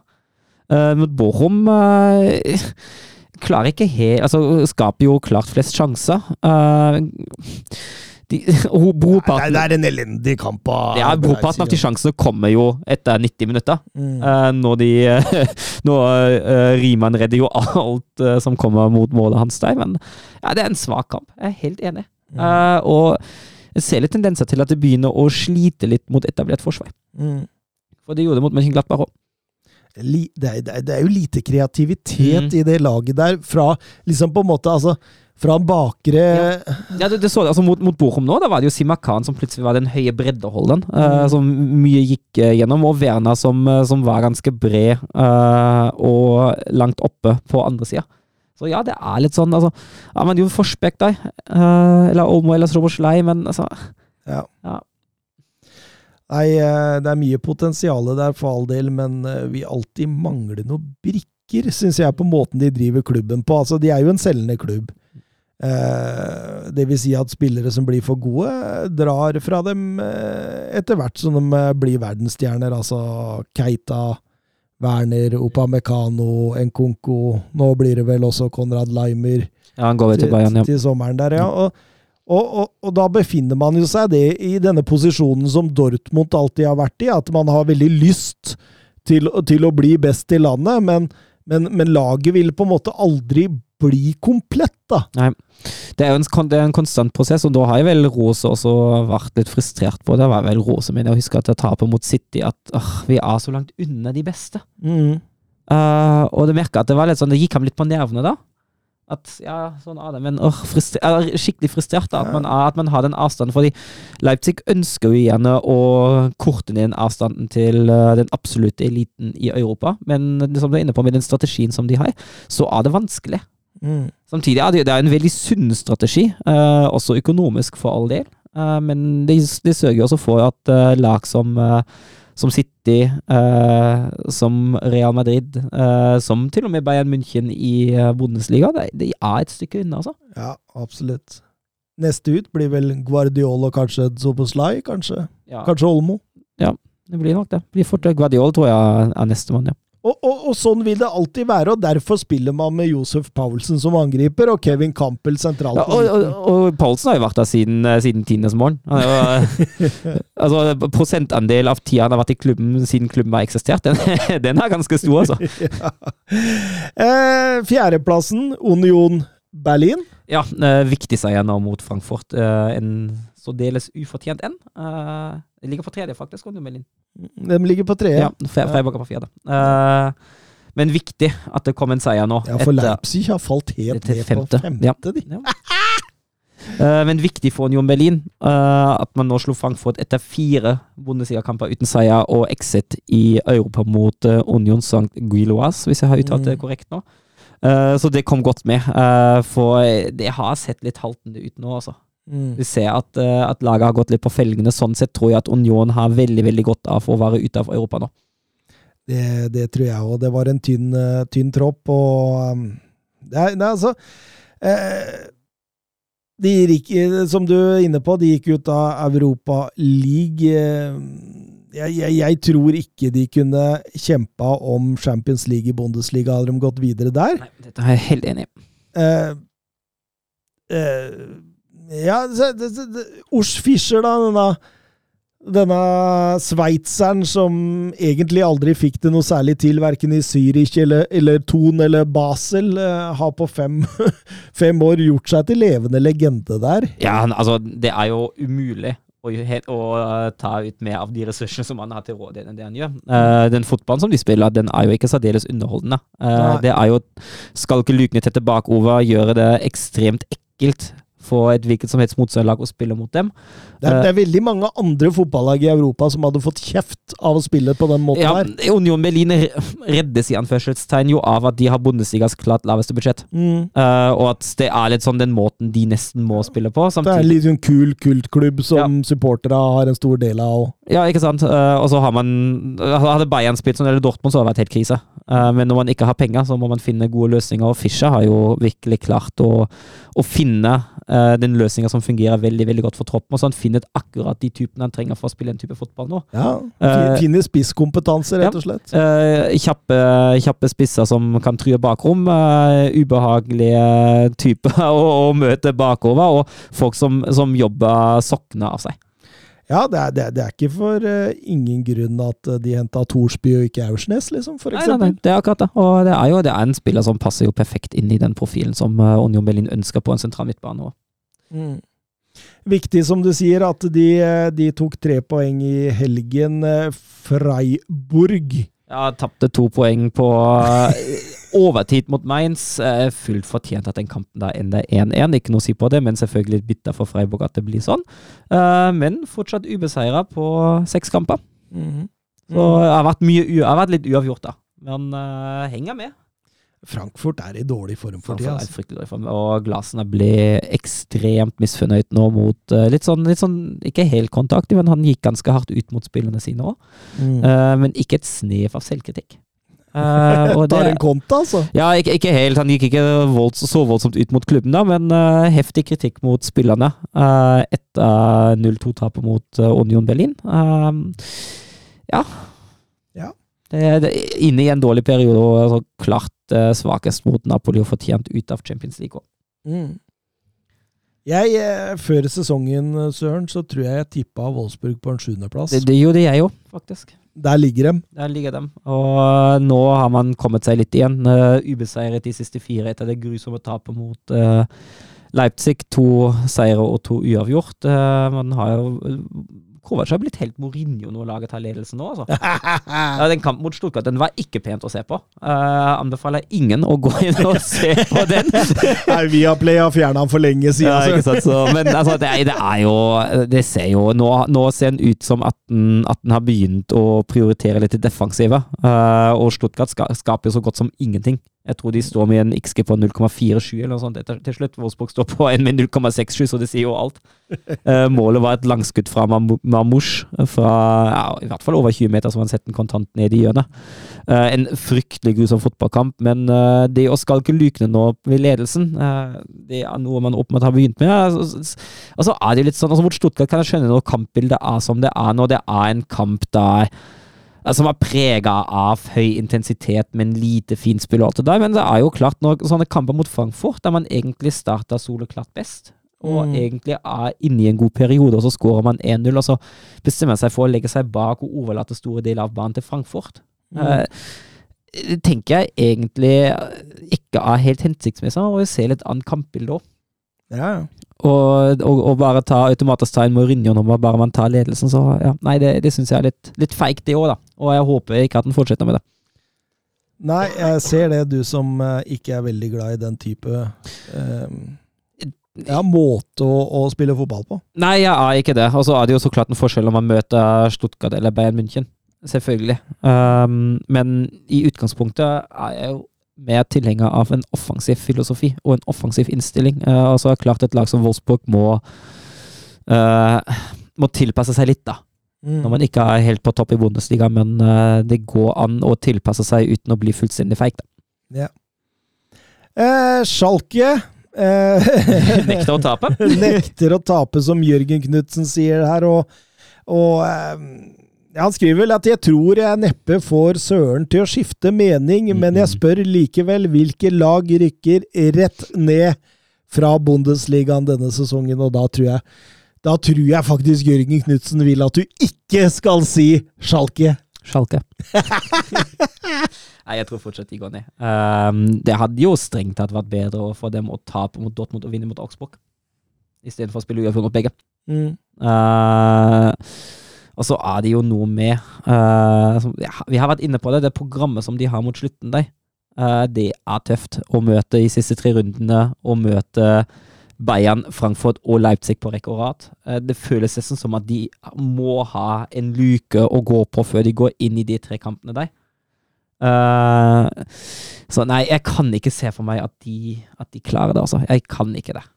Så da blir det Stuttgart og, og Schalke, da. Nei, Stuttgart er jeg litt mer usikker på. Altså, akkurat nå har de jo klart dårligst form, Hoffenheim har jo, har jo faktisk klart å vinne.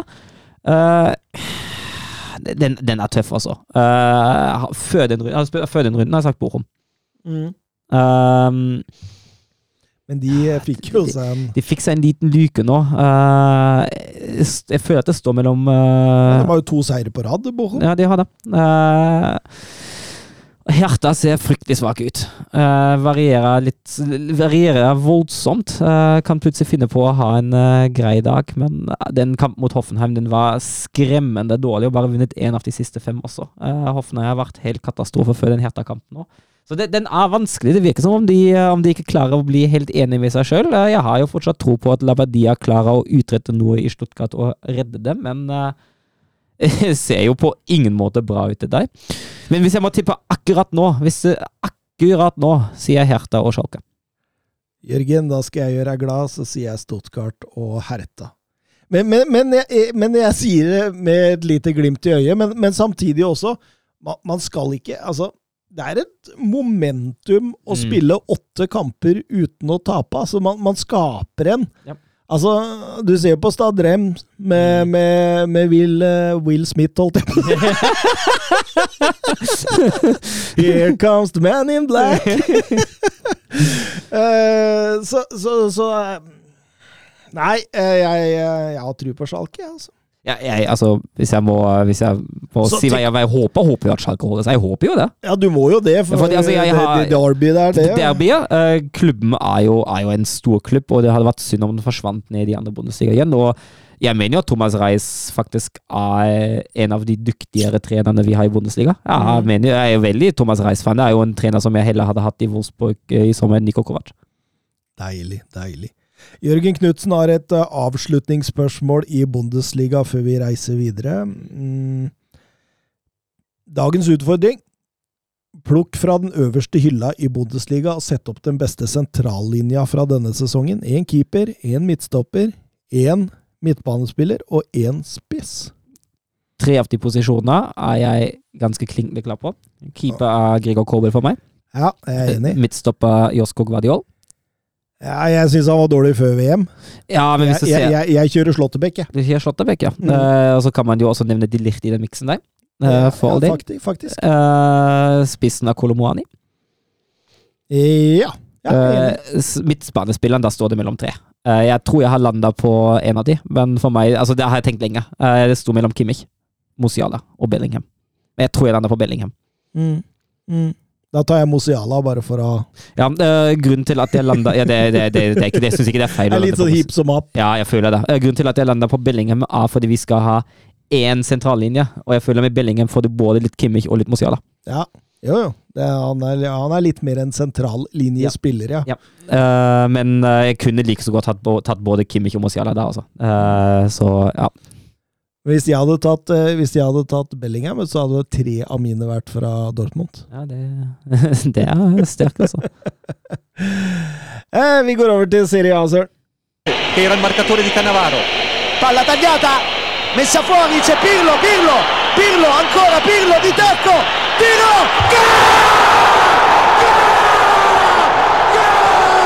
Grosso, grosso, gol, gol di Grosso, gol di Grosso. Eh, jeg veit ikke om lyttere har hørt det. det. Det blir spennende å se om de hørte det. I så fall så Så har dere noe inn i introen, eh, eller inn i hva, hva kan du kalle det? Inn i Ja, Serie A-introen? Ja, er. Serie A-introen der som uh, Det var en beskjed til Søren. um, Napoli. Ja. Uh, mye er sagt. De har jo allerede vunnet Scudettoen. Det eh, Som vi ble spurt om i et lytterspørsmål her. Eh, vi kan slå oss på brystet her og, og si at dette forutså vi, at Napoli blei gode. Eh, til tross for at alt og alle snakka dem ned denne sesongen. Det, det har vi vært igjennom før. Det med at de mista fire sentrale spillere og, og erstatta disse på en god måte. Men eh, sabler jo Frankfurt av banen i Champions League. Ja, fullt fortjent, og, og, og, altså i begge kamper. Uh, ikke spørs engang hvem som skal videre. Det. Nei, Og hvis du ser den trekninga nå altså Vi skal jo litt inne på det seinere, tror jeg, uh, men det er tidenes sjanse for dem å nå Champions League-finalen. Det er det. Det er det. Eh, vokser virkelig treet så langt? Det, det, det blir spennende å, spennende å se. Eh, men eh, vinner 4-0 enkelt borte mot Torino Ja. i helga. Fullt fortjent og uh, grei seier, det der. Mm. Eh, Oshimen 2, Kvarasjkela er på skåringslista, og en Dombele. Og, eh, det, det, det er utrolig herlig å se hvordan de spiller fotball, hvordan de blander dette med possession og eh, gjennombrudd.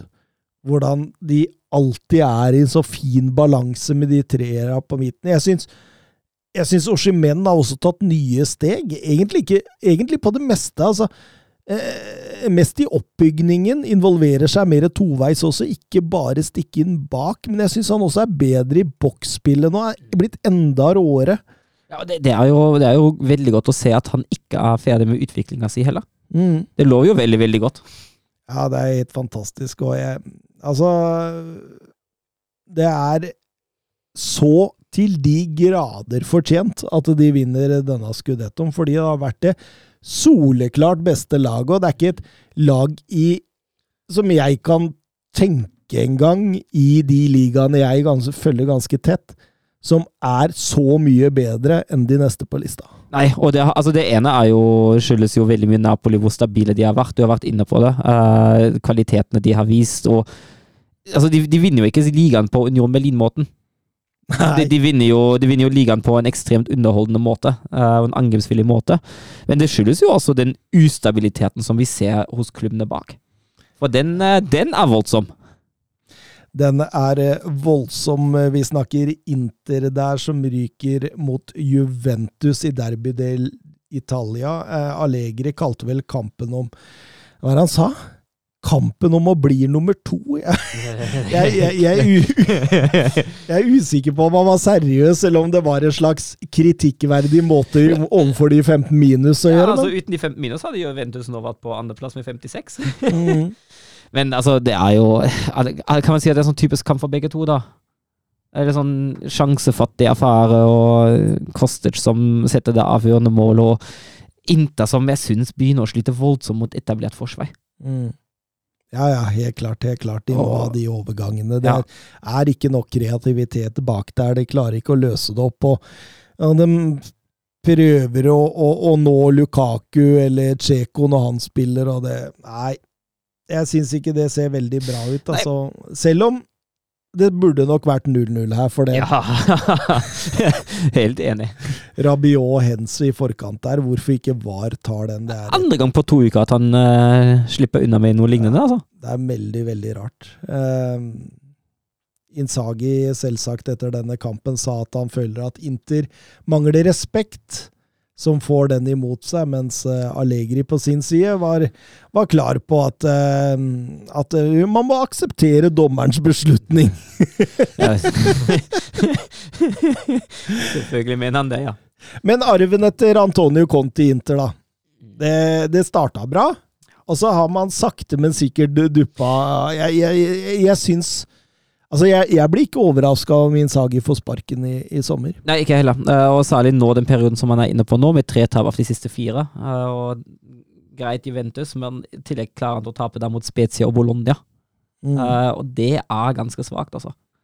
Ja, du Ryker i Champions League nå, så Ja, eh, så jeg er helt enig i at eh, jobben hans kan få henge i en tynn tråd. Og det er jo også, man ser jo ikke noe særlig utvikling heller. Eh, det er i beste tilfelle en forvaltning av det Conte kunne gjøre bedre enn ham. mm.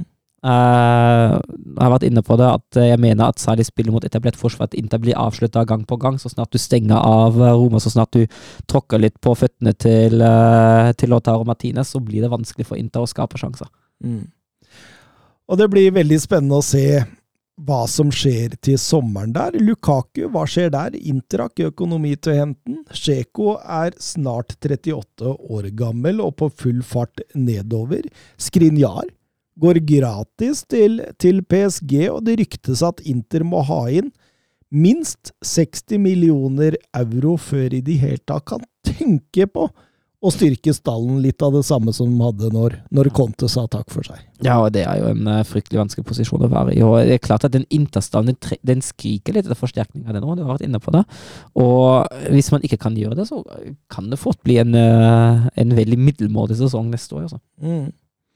Eh, Laget som har tatt seg opp på en annenplass, eh, det er vel det laget vi alle trodde skulle havne utenfor topp fire. Det er, det er Lazio som ligger, eh, ligger best an nå. Man kan jo på mange måter si at Sarri gjør en fantastisk jobb i Lazio, fordi hvis man går igjennom lagdel for lagdel der, i de antatt beste laga i Serie A, da, så ville de fleste passert Lazio lavest på den lista. Ja, jeg er helt enig. Uh, og så snakker vi litt om stabilitet, og stabilitet er jo nettopp det som Lazio har hatt nå i det siste. Det har, det har ikke vært voldsomt underholdende i det hele, men de har ikke sluppet inn på fem kamper og vunnet fire av de. Eh, og det er jo litt sånn uh, det man trenger hvis man skal være stabilt oppe i topp fire og ha muligheten til å snuse på en Champions League-plass. Vinner mot Napoli, vinner 4-0 mot Milan, vinner det motsatte byderbyet og byderbyet nå mot eh, Roma. Atalanta borte, Inter hjemme. De, de tar de store Mm. veldig ofte, Lazio. Og det er jo en fordel, det òg. Når du tar de poengene da, så kan ikke andre lagene ta de. Nei. De sekspoengskampene, og vinne de, det er nøkkelen.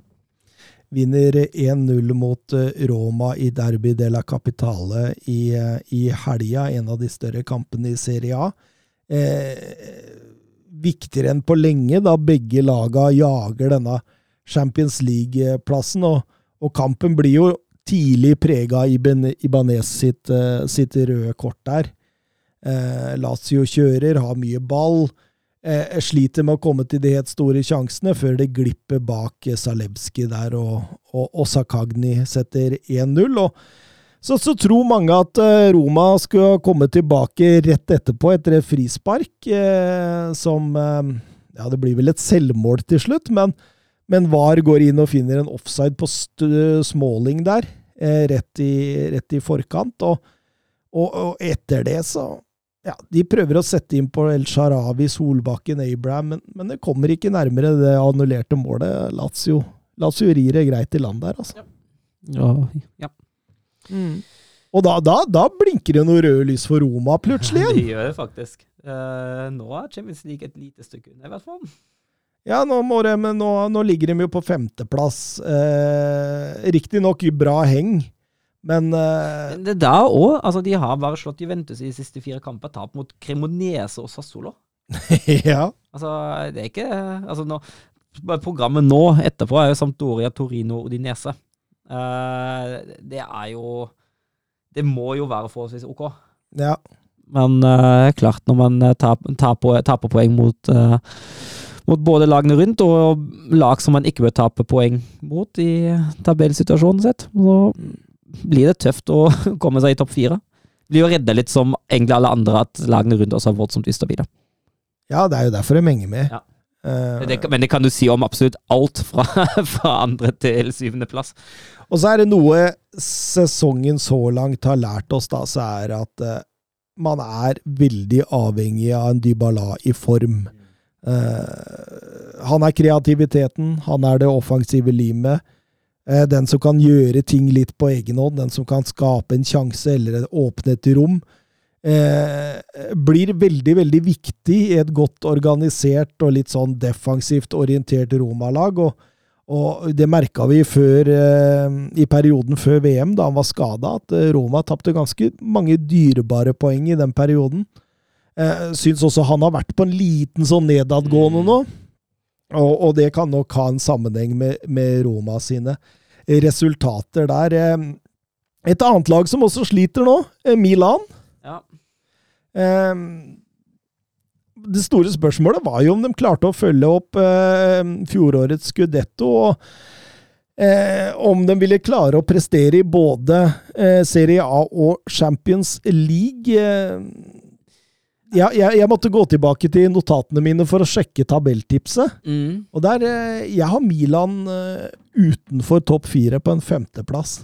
Ja, Eh, Og det handlet litt om at jeg var i tvil om at de kunne gjenskape dette. Og, og eh, jeg syns ikke de hadde forsterka godt nok. Og, og eh, som de fleste lyttere av denne podkasten veit, at jeg er ikke den største Stefano Pioli-fan i, i landet.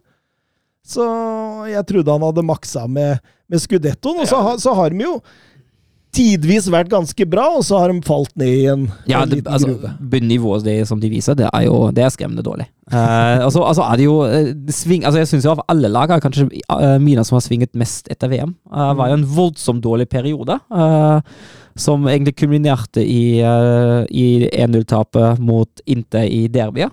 Uh, da var de jo fryktelig svake. Mm. Og så kom de seg litt opp igjen. Uh, avanserte i Champions League til Ja, Pioli tok jo grep, bytta Ja. om til en trebekslinje. Ja, og så, og så føler jeg at nå, nå er man på full fart inn igjen i den mølja som man var før. For den uh, Odinese-kampen som de nå hadde til helga, den var ikke bra, den heller. Nei, det var fullt fortjent at Ja. Odinese vant. Og det, det straffesparket som Ibrahimovic skåra på etter forsøk to, det var meget billig. Det bør ikke ha blitt dømt. Måtte ha en rekord der, vet du. Mm. Ble han ikke tidenes eh, Eldste, eldste serie Han ble det. målskårer? Han ble det. Stemmer det. Men eh, Rafael Leao Åh, en herlig fotballspiller. Men, Han eh, ser litt Ja, men det akkurat Altså, ut. det, det, ser, det ser litt ut som at, uh, at han uh, Altså, han er jo egentlig den som må nesten skape det offensivt for Milan. Uh, og det virker litt som at alle andre lag nå også har skjønt. men, men, men jeg tenker at han lider litt av denne omlegginga. Mm. At uh, nå blir han mer én av to bak angriperen, istedenfor at han kommer fra venstre og drar innover. Ja. Uh, for meg så ser han litt sånn uh, Det ser ut som han er litt lei, at han vil litt bort. At han ikke vil være der. Og når du veit da at han har kontrakt til ut 23-24-sesongen, så Ja, det blir fort sagt, det sammen. det kan fort bli det. det blir fort, I hvert fall hvis, Inter, hvis, eh, hvis AC ikke klarer å komme til Champions League, så Mm. kan det fort bli vanskelig å holde på ham. Nei, det blir spennende å se. Det er jo en uh, spiller med enorme kvaliteter. ekstremt uh, varierende bak der. Atalanta også har gått på en uh, skikkelig formdupp nå. Eh, står vel med Nå vant de riktignok i helga, men står med det bare med én av de fem siste eh, med seier. Um, Juventus. Eh, I en sesong nok en gang med skandale uten spor omsportslig eh, fokus. Eh, Blei trukket 15 poeng, hele styret gikk, Agnelli ga seg. Eh, på grunn av økonomisk Kan vi kalle det juks, uten Ja, at vi fornærmer noen? Det kan vi vel kalle juks. Det er vel det det er. Ja. Eh, men det er jo ikke en endelig dom. Eh, dette er kun en del av det. Eh, kun 15 poeng minus er kun for å jukse med verdien. Eh, det med Ronaldo sin lønn med fler eh, kommer sannsynligvis til å komme i en egen straff. Eh, og det kan skje vesentlig mer. Eh, Påtalemyndighetene i Torino har åpnet en etterforskning. Eh, Her snakker vi både telefonavlyttinger og ransakinger av kontorlokaler tilhørende Juventus. Eh, Det italienske fotballforbundet får resultater fra denne etterforskningen. Eh, Og det skjer jo fordi Juventus er børsnotert, ikke sant? Det er et AS, som vi sier i Norge, så det går imot den økokrimretningen. Så også her kan de forvente seg straff. Og man vet i tillegg at Uefa også undersøker dette. Så det kan være at Juventus kun har mottatt én av fire potensielle straffer. Man venter på denne lønnsstraffen, denne økonomiske kriminalitetsstraffen og Uefa-straffen. Så, så det at eh, Juventus nå ser ut som et helt ok fotballag, det kan jo ikke være noe annet enn ekstremt imponerende. Ja, altså det at man klarer både, Og det gjelder jo både trenerteamet og spillerne. At de klarer å uteluke det som foregår ellers rundt klubben, å stå i den stormen og prestere på banen uke etter uke, ja, det står det jo veldig respekt av. Ja, det For Men meg det, så det, er det kan ikke være lett. Nei, altså, du, du veit jo ikke om du spiller for noe, liksom. Nei, altså, det, ja, det, det er det ene. Det andre er at du veit ikke om din arbeidsplass i utgangspunktet eksisterer lenger, altså. Og det kan jo hende at Juventus blir nødt til å kvitte seg med alt som har, på, som har med lønns, lønnslista å gjøre, nesten, altså. Ja, men La oss si for eksempel da, denne lønnsstraffen. Ja. Det, er jo, det er jo foretatt av de samme som ga 15 minus. Mm. Så la oss si de gir 10 minus da, til. Så er jo Europa ute og, og kjører uansett. Og så kommer eh, den, på en måte, la oss kalle den sivile etterforskninga. Ja. Der kan det gå mot arrestasjoner av sentrale Ja, figurer i, i, eh, i Juventus-systemet, og det gjelder vel også Tottenham sin eh, paratesi, tror jeg. Ja, spennende. og så kommer denne Uefa-straffen, som kan være utestengelse av, av Europa, tenker jeg da. Ja, det blir nok uh, Uefa kommer jo til å straffe med internasjonale turneringer, ja. Og jeg kan tenke meg Uefa også. Den bare klør i fingra Mm. etter å straffe Ja, et- et- Juventus Etter etter Superliga, Superliga. ja, ja, ja, definitivt. Og, og da, da sitter jo Altså, Juventus er jo i en eh, vanskelig økonomisk situasjon fra før. Mm. Og da sitter man jo fort i en situasjon der man må kvitte seg med, med det som har en salgsverdi. Ja. Det blir litt av det samme tilbake til der man var under Calciopoli. Mm. Um, Fredrik Stjerna. Inter og Roma har tapt to på rad. Milan har ikke vunnet på tre. Atalanta har én seier på de siste fem. Finnes det et Juventus Champions League-håp her likevel? Og det samme spør jo også nisselue på um, Ja, altså Formen er jo bra. Eh, jeg syns jo ofte også at marginene er ikke så voldsomt store på Juventus sine seire. Så man sitter jo og venter på når det skal gå skeis igjen, altså. Jeg, jeg sitter jo altså den, Som du sier, den Interkampen den uh, kunne veldig fint ha endt 0-0. Den bør ha endt 0-0. Uh, Sampdoria-kampen, greit fortjent seier til slutt, men da også holder de på å rote det til. Um, så altså, ja, formen ser jo veldig bra ut, og hvis man tar vekk de 15 minuspoeng, så hadde det jo vært et soleklart Champions League-lag. Mm. Men ja, det er et håp, definitivt er det et håp, men jeg er fortsatt i tvil om det går så langt, for det virker så skjørt, da. Den seiersrekka. Det virker så altså, Greit, tapte mot Roma i midten der, men de har jo vunnet en god del av de siste kampene. Uh, men det virker litt skjørt. Det virker litt sånn ikke, ikke helt bygd på et solid fundament. Det er bare sju opp til Milan. Ja, det er derfor jeg sier det kan være et håp, altså. Det kan det. Det er ikke, det er ikke mye. Det er mange kamper igjen. Fullt mulig å ta inn det. Absolutt. eh, vil være en enorm prestasjon av Juventus, på samme måte som det vil være horribelt av de laga bak Ja. Napoli å surre det, det Nei, der til. Det skal, ikke, det skal ikke gå an at du trekkes i 15 poeng, og så spiller du likevel Champions League. Det skal faktisk ikke gå an. Det, det er i så fall bare Juventus som klarer. Um, vi veit jo hvem som er Serie A's største formlag, hvis du ser bort fra Napoli? Åh, skal vi se Nei, du bør ikke, du bør ikke Nei, google nei, jeg dette! googler ikke. Altså, jeg ser bare på Nei, jeg veit hva, jeg veit ikke. Sassolo? Sassolo ja. ja, de var jo i fullstendig krise og hadde kommet seg. Mm. Slått både Roma og Milan i perioden nå. Ja, ja. Eh, vinner nok en gang i helgen og, og begynner å sikte seg opp mot midten av tabellen. Her, her snakker vi om et lag som nesten så Ja. dømt for nedrykk ut, altså. Det så fryktelig svakt ut. Og så var det vel det var vel en Milan-kamp som var turning point, var det ikke? Mm. Ja, ja. Fantastisk eh, kamp de hadde der. Og så, og så hadde de med Roma borte, og, denne Armand Lauriente, en ving som kom fra Loria i sommer, han har fått en meget, eh, meget god form på det hele. Eh, ut venstre der, og så har du Berardi ut høyre, og de, de gjør vei i vellinga, de søren. Eh, Daniel Ødegaard spør Serie A med tre lag i CL-kvarten. To i EL-kvarten. Og forsyner meg også ett i Conference League-kvarten. Er Serie A i ferd med å passere Bundesliga, søren! Bundesliga! I, I kvalitet om å være den tredje beste ligaen i Europa. Nei, jeg syns ikke det. Eh, jeg syns den sesongen har vært veldig imponerende av Serie A-lag. Eh, men eh, jeg tenker jo at det må Altså, for at det skal være en trend, må det litt mer til. Eh, hvis det skjer igjen neste sesong, og kanskje også sesongen etter, så begynner vi å snakke, for all del. Um, men samtidig skal man ikke glemme uh, Bundesliga har faktisk den regjerende Europaliga-vinneren. da. Eh, og det er ikke så lenge siden at et Bundesliga-lag vant Champions League heller. Nei da.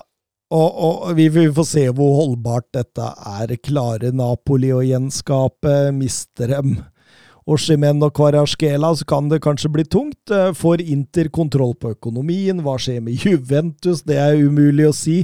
Milan Altså, det er, det er mye usikkerhetsmomentum her. Så, så eh, vi får rett og slett se det litt an. Men uh, som sagt, sterk prestasjon av Serie A-laga denne sesongen. her. Og med de ordene går vi over til uh, Ligue A.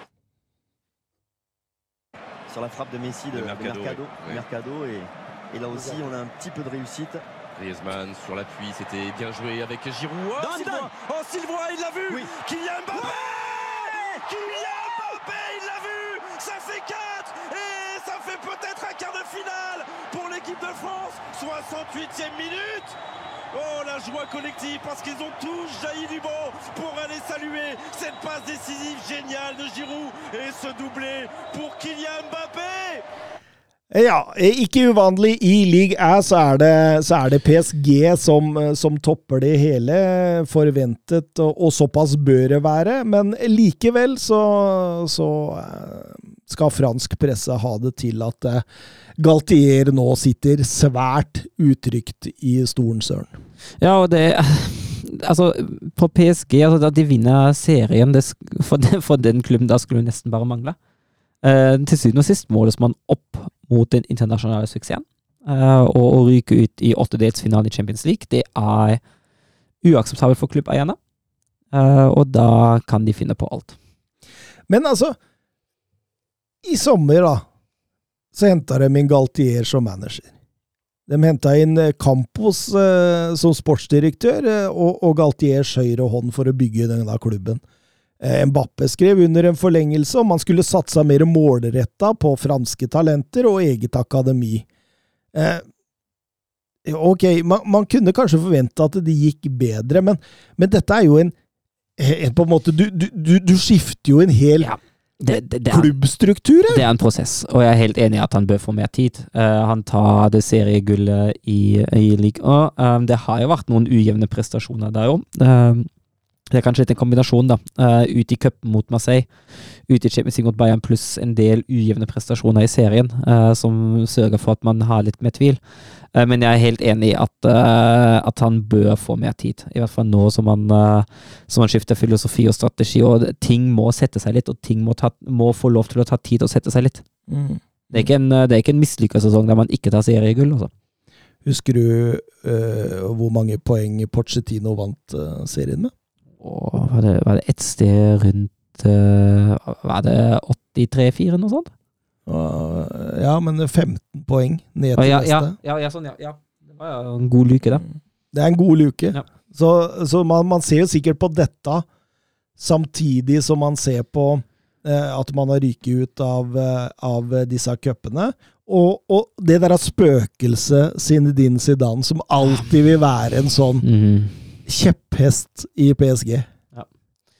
Det er litt sånn, litt sånn United-manager etter, etter Sir Alex, at alle blir på en måte målt opp mot ham. Eh, På en annen måte, selvfølgelig, men eh, så lenge Zidane er der ute, så, så vil det være et ekstra press på en manager. Ja, For man, man har jo prøvd det meste nå. Man gikk liksom fra vinneren av Charlotti til, til Tuchel, til Pochettino, og nå mer til en mer sånn eh, Prøv å finne ordet en mer kynisk franskmann. Ja. En, eh, hvor kan veien gå videre? Altså, nå, må, man- nå må man jo på ett sted stoppe opp. Da, altså. Ja, Man må jo bygge klubb, altså man, må Ja. finne, man må jo finne en filosofi, og det- har jo irritert meg mange ganger. Og mange klubber som jeg føler mangler en klar filosofi. Sånn og sånn ønsker vi å spille fotball, sånn skal det, sånn skal det se ut i grunnleggende trekk, og da vil vi være om fem år, da vil vi være om ti år, da vil vi være om 15 år. Mm. Og den filosofien må jo ligge til grunn.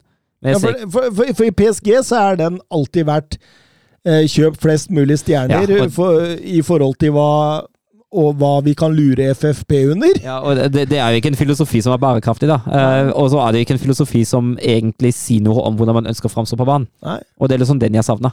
Og så skal vi vinne Champions League helst i morgen. Ja, det er jo klart. Det har jo alltid vært målet. Og det, det er jo Kanskje bør de begynne å skjønne at, og, og, at man må bygge Og viktige ordet ha, bygge et Mm. lag som kan vinne Champions League. Så Neymar er ferdig til sommeren. Eh, Messi ser ut til å være ferdig nå. Blei bua ut mot, uh, mot renn. Ja, altså, men det er jo en sjanse, da. Å, å erstatte de, de eldrende stjernene stjerne med sultne spillere som ønsker å spille for PSG og ønsker å vinne noe med den klubben. Ikke spillere som har vunnet det meste før, og som nå tenker at ja, PSG spiller i et godt lag, vinner litt, vinner litt titler og får masse betalt. Skulle ikke forundre meg at de tar en sånn U-turn på denne sportslige presta- eller sportslige eh, Kall det gjerne plan, da. Eh, og, og, og kommer til å prøve å få både Kvarasjkela og Shimen og Rashford og, Ja, ja, ja. Bellingham og hele pakka. Samtidig er det litt sånn en annen type, da. Han henter ikke en avdanka Ramos eller noe sånt, da, men han henter jo faktisk unge spillere, da. Kanskje de henter Benzema. det, det hadde vært litt sånn passende med strategien de siste åra. Altså. Eh, Kasper Viktor Ruud Haaland, Messi virker ferdig i PSG. Eh, bør han gå tilbake til Barcelona? Ja, det er et godt spørsmål, det, da. Eh, Det er jo, det er jo noe veldig romantisk over det, hvis han eh, skulle velge det, men jeg jeg kan fint se for meg at han egentlig er ferdig i Europa, altså. Jeg kan fint se for meg at han, nå har han vunnet VM, nå har han vunnet det som er å vinne, at han begynner å tenke på å trappe litt ned nå. Ja. Jeg tenker kanskje at det er litt mer sannsynlig. At, Ja. det, blir, at det blir USA, eller at det blir eh, Kanskje blir det en US Oldboy, som han alltid har snakka om at han har lyst til å avslutte karrieren sin i. Så hadde det vært deilig om han gikk inn i et slags trenerapparat i Barcelona etter hvert. da. Ja, det hadde jo det. Em, nummer to i Ligue Ø er Marseille. eh, måtte hive seg rundt i sommer da Sampeoli sa opp i protest, og, og Igor Tudor ble løsningen. Og, og vi hadde jo Clay innom studio her for et par, par uker siden. Han mente at det skiftet var til det bedre. Eh, det, det, det er jo en av få klubber bak PSG, dette her, som, som bruker penger. Men jeg kan ikke se at det liksom på en måte den bruker penga så veldig godt. Nei, det, det er jo Jeg føler at det er litt sånn overprisa, litt middelmådige spillere. Det er ikke akkurat de spillerne som man henter da for å utfordre PSG. Eller, og, for, og, heller ikke for å bygge opp noe som potensielt kan utfordre PSG heller. Nei, Det er nettopp det. Det har liksom vært litt sånn verken fugl eller Mm. fisk, og de, de låner inn mye spillere og eh, Men så, så jeg sitter jo på en følelse her at pengene kunne blitt brukt bedre. At man, man henter spillere som ikke har så mange flere steg å gå på stigen sin, om man får si det slik. Men, men, eh, men det er jo en klubb det bygges historier rundt, ofte av de negative, eh, av større og mindre karakter. Supportere som setter fyr på treningsanlegg. Denne, denne Payot-Tova-kranglinga, kampfiksinga tilbake på 90-tallet. Men, men har du hørt det nye og litt mer humoristiske? Nei, kjør på!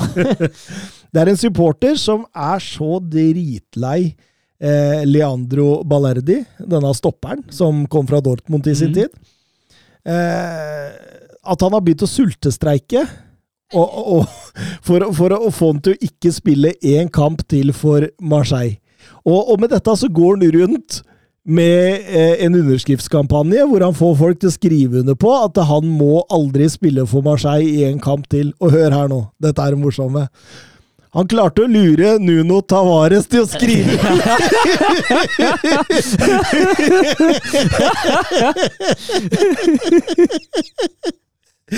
Det er morsomt! Ja, det er nydelig. Det er nydelig. Altså, det, det er fascinerende i hvilke lengder uh, folk går eh, når det kommer, kommer til sånne kjernesaker. Jeg husker så det var en uh, som oppretta den engelske versjonen av en spleis for å få fjernet Mourinho fra United. Skulle samle inn uh, fem millioner pund for, for å kunne løse den ut av kontrakten eller noe sånt. Ja. Det er nydelig. Men Marseille dem setter jo faktisk en en stopper for, seg, for altså, kamper uten tap for Will Still og Ja. Rams. Det gjør de. 2-1-seier. Alexis Sanchez med, med begge mål. Blant annet en uh, frisparkskåring, en fin frisparkskåring der. Mm. Uh, litt, ikke helt fortjent, syns jeg. Jeg syns Remi i hvert fall hadde fortjent ett poeng. Ja, kanskje alle tre. Kanskje altså alle tre, ja. Uh, men eh, på et eller annet tidspunkt måtte det jo komme. 17 league Ø-kamper blei det før, altså. Will Still opplevde sitt første tap eh, som eh, manager i ligasystemet. Eh, Tapte riktignok i, i, i cupen.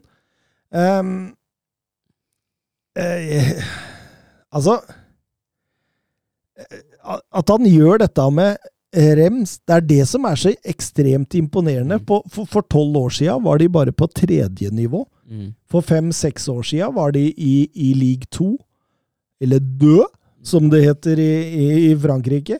Og, og for tre år siden så blei de riktignok nummer, ble nummer fem under eh, David Guillot, han eh, Bordeaux-treneren, men, men det var en sånn one-off-sesong. Mm. Eh, og, og, og det Will Still har gjort her, det er jo helt ellevilt. Det er helt fantastisk å ha forvandla en nedrykkskandidat til å kanskje være en potensiell europakandidat. Uh, og det, det, det står det enorm respekt av. Med de midlene. Ja, uh, nemlig så godt som ingen.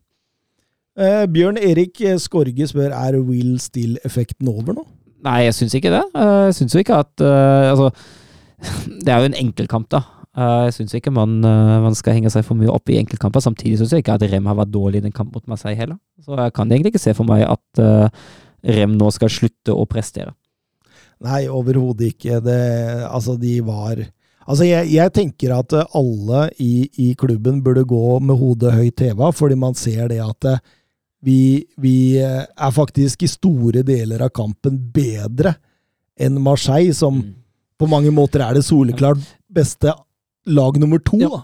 Ja, og så tenker jeg, altså, Nå er de på niendeplass, og jeg tenker at hvis de til slutt skulle havne på niendeplass, er det jo en ekstremt bra slutten av sesongen for dem, da. Mm. Selv om. Altså, jeg, jeg tror det blir høyere opp med Wilsdale, for all del. Uh, men selv, altså, med tanke på utgangsposisjon, da, er til og med niendeplass en kjempesuksess. Men uh, Paris Saint-Germain tar jo, vinner jo dette her. Marseille blir sannsynligvis nummer to, og alt eh, tyder vel på det i forhold til, til eh, den maskinen og den eh, klubben Igor Tudor har, har fått opp der. Men eh, denne kvaliken til Champions League, denne tredjeplassen, den er mer åpen. Den er mer åpen. Nå har jo Monaco hatt en litt dårlig fase. Vant nå riktignok Riktignok forrige helg, borte mot Ajaccio. Mm. Mens Lås har kommet seg litt igjen. Lås har sett, uh, har sett stabile og gode ut. Så uh, altså er jo, Renn er jo allerede sju poeng bak uh, tredjeplassen. Uh, har bare outsider-muligheter, tenker jeg. Ikke helt umulig, Mm. eh, men det er jo mest outsider-sjanser. Hvis du ser på kvaliteten, er det Monaco som er soloklar favoritt. Men da må de slutte å avgi poeng. Er det lov å virkelig sitte og håpe på Lans? Ja, det er jo det. Det er kult med outsidere. Jeg syns det er kult. Det har vært kjempegøy om Lans tok det. Frank Heise, det er, han er, det er jo nesten Frankrikes Orsfischer, dette her. Mm. Altså, jobben han har gjort i lands er jo enestående. Klubben har jo så å si vært nede konstant i league død i åtte-ni år før han tok dem opp, og, og har to strake sjuendeplasser. Og, og, og i begge de sesongene der har de ligget høyere, og så har de falt litt Mm. nedover på grunn av eh, Ja, litt av det man har sett i Union Berlin også. At stallen blir litt tynnslitt. At det blir eh, Man klarer ikke å holde løpet helt ut. Ja. Eh, men men det, det, det er helt strålende, den jobben han har gjort der. Og Louis Openda han skårer jo to nye i denne kampen her. For en eh, maskin han har Ja. blitt eh, nå. Så ekstremt, eh, ekstremt moro at Lance kan eh, være med Monaco og slåss om det.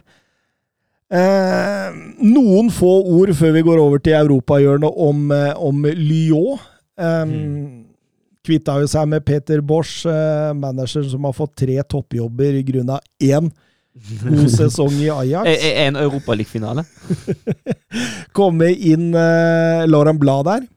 Eh, har vel ikke klart å revolusjonere dette her, Søren? Nei, det ser litt sånn uh, fortsatt det, det, det er litt den gamle tralten som er igjen. Ligger vel på tiendeplass nå, og det, det, er, det er en eh, stusslig sesong for Lyon. Eh, det er egentlig en sesong som Jeg kan ikke se for meg at de kan klare Europa heller. Eh, Det ser ikke bra nok ut. Eh, selv om de bare ligger plassen bak Rem, men Rem ser jo ut som et betraktelig bedre lag akkurat nå. Og den sesongen har egentlig bare å glemme å bygge opp på nytt fra neste sesong. Ja, og, og litt spesielt når du faktisk har en spiller på topp der som skårer 17 mål. Ja. det, det er jo fryktelig imponerende å skåre 17 mål for et lag som ligger midt på. Jeg leste at eier eh, John Texter nå hadde sletta Twitter-kontoen sin, for det kom så mye kritikk og drapstrusler i hans retning nå. Eh, Lyon-fansen er virkelig ikke fornøyde, og president eh, Aula har nå ansatt den tidligere angriperen Sonny Andersson som en slags La oss kalle det rådgiver til klubben. Hans første oppdrag skulle være spøkefullt å hente Karim Benzema tilbake igjen. Men er det der det skorter nå? nå Nei, det altså, jeg, altså, jeg tenker at uh, da, da trengs det egentlig en uh, ny oppbygging. Det gjør det. Sammen, altså. Kun 1-1 hjemme mot uh, Nant i helga, så det det, det, det det, er vel ikke et Lyon-lag som er å regne med på en liten stund enda, tror jeg. Nei, jeg er helt enig i hvert fall den sesongen her. Så får vi se hva de gjør til sommeren, da. Vi får se på det. Toppskårerlista i ligaen er litt spennende. Du har Mbappe på 19, og så har du Jonathan David fra Lill på 19. Mm. Eh, Wissam Ben Yedder på 17, Lacassette og Balogun. Ja. Det er kule navn, da. Mm. Og det er gøy det er gøy at det er såpass jevnt, og jeg vil jo si at egentlig, har- egentlig har jo alle fem muligheten til å stikke av med deg. Eh, med tanke på laget han spiller på, er jo Mbappe-favoritt.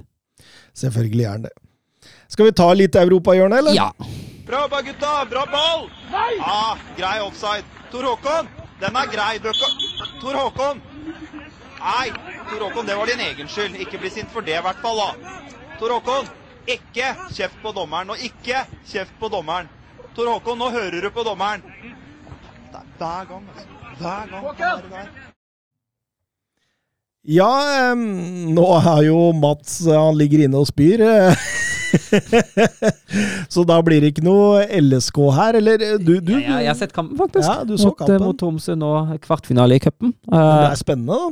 Veldig spennende. Horribel første omgang, herregud. Uh, og så en Jeg kan egentlig si man snur seg 180 grader eh, og leverer godt eh, fra pausen og utover. Tromsø leder 1-0 til pause. Uh, LSK slår tilbake for 1-1 rimelig fort pga. en eh, ganske idiotisk henstraffe som uh, Tromsø lager. Før Tromsø går opp i ledelsen igjen ut av ingenting. Eh, LSK utligner igjen ved Gjermund Aasen. Eh, Både Lene Olsen og Aasen, tidligere tilspillere, skårer også mot Tromsø. Og så blir det ekstraomganger og et selvmål som til slutt sender LSK videre til semifinale i cupen. Da venter Bodø-Glimt på Åråsen 26. april, og det tror jeg blir en folkefest. Jeg gleder meg voldsomt til den kampen. Selv om eh, vi tror de ryker ut. Da, da kommer jeg jo. Billettene legges ut nå på fredag. Ja, det blir aldri fullt. Jeg tror det, jeg tror det ikke. Altså, jeg, tror, jeg, jeg tror det kan bli fullt. Jeg tror det. Eh, Du mener vi må sikre oss billetter, altså? Ja, altså, jeg, jeg har jo sesongkortet mitt, altså jeg får jo, øh, får jo forkjøpsrett, så jeg kommer til å kjøpe billett nå med en gang. Kjøp til meg òg, da. Ja, kan øh, fikse det. Skal, skal det stå, eller? Ja, jeg, jeg står med deg, jeg. Herlig. Um, Eres divisjon, har det skjedd noe der siden sist? Ja, Ajax har jo spilt storkamp mot uh, Feyenoord. Uh, toppkamp på toppen, andre mot uh, førsteplass. Ajax fikk den, verst tenkelige starten som man kunne tenke seg. Jimenez skårer etter fem minutter for Feyenoord og sender dem i ledelsen, men uh, etter det syns jeg jo Ajax uh, spiller en uh, veldig god kamp. Er litt ineffektive, men Alvarez og Tadic snur dette her til en 2-1-ledelse til pausen. Men så går han på noen defensive problemer. Det er en langt mer sjansefattig kamp etter pausen enn uh, enn før pausen. og og defensive feil sørger for at Szymanski først utligna for Feyenoord etter 52, uh, før Retroida, fem minutter for slutt, avgjør det hele for Feyenoord. Og de vinner da 3-2 på Johan Cruyff Arena og øker luka ned til Ajax til uh, poeng. Uh, Feyenoord har 61 poeng, Ajax 55.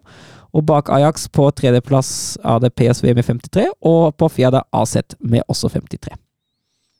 Ja, ja, ja, Ajax. Skal dere klare å surre dere bort? Ja, det kan, få, altså, det kan bli vanskelig å ta, ta gullet nå, altså. Feinor virker å være flyt. Mm, ja, ja, nok det. Mm. Nå har jo Ajax vunnet sju på rappen før, uh, før den kampen mot, um, mot Feyenoord òg, men uh, ja. Mm. Ja, eh, i ligaen nå så vaska Benfica gulvet med Vitoria di Giamares. Eh, vant hele 5-1 til slutt. Det var eh, kontroll fra, fra start til slutt. Eh, festfotball eh, uten eh, en eh, Fredrik Aursnes som blei hvilt av Roger Schmidt. Tengstedt og, og Schjelderup var også ubenytta reserver i denne kampen. Det, det er, det, er, det er full kontroll. Det er, eh, altså det, det er klasseforskjell mellom lagene.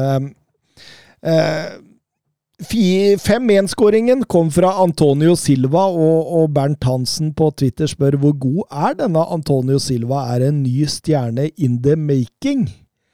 Og det kan man jo trygt si. 2003-modell, allerede to landskamper for Portugal, er også med i troppen til Roberto Martinez denne gangen. Så du at Ronaldo også var tatt ut? Ja, jeg så det. Herregud, Det er deilig, det er deilig. Eh, er jo en komplett moderne stoppetype. God med beina, god i duellspillet, leser spillet bra. Har, har liksom hele pakka.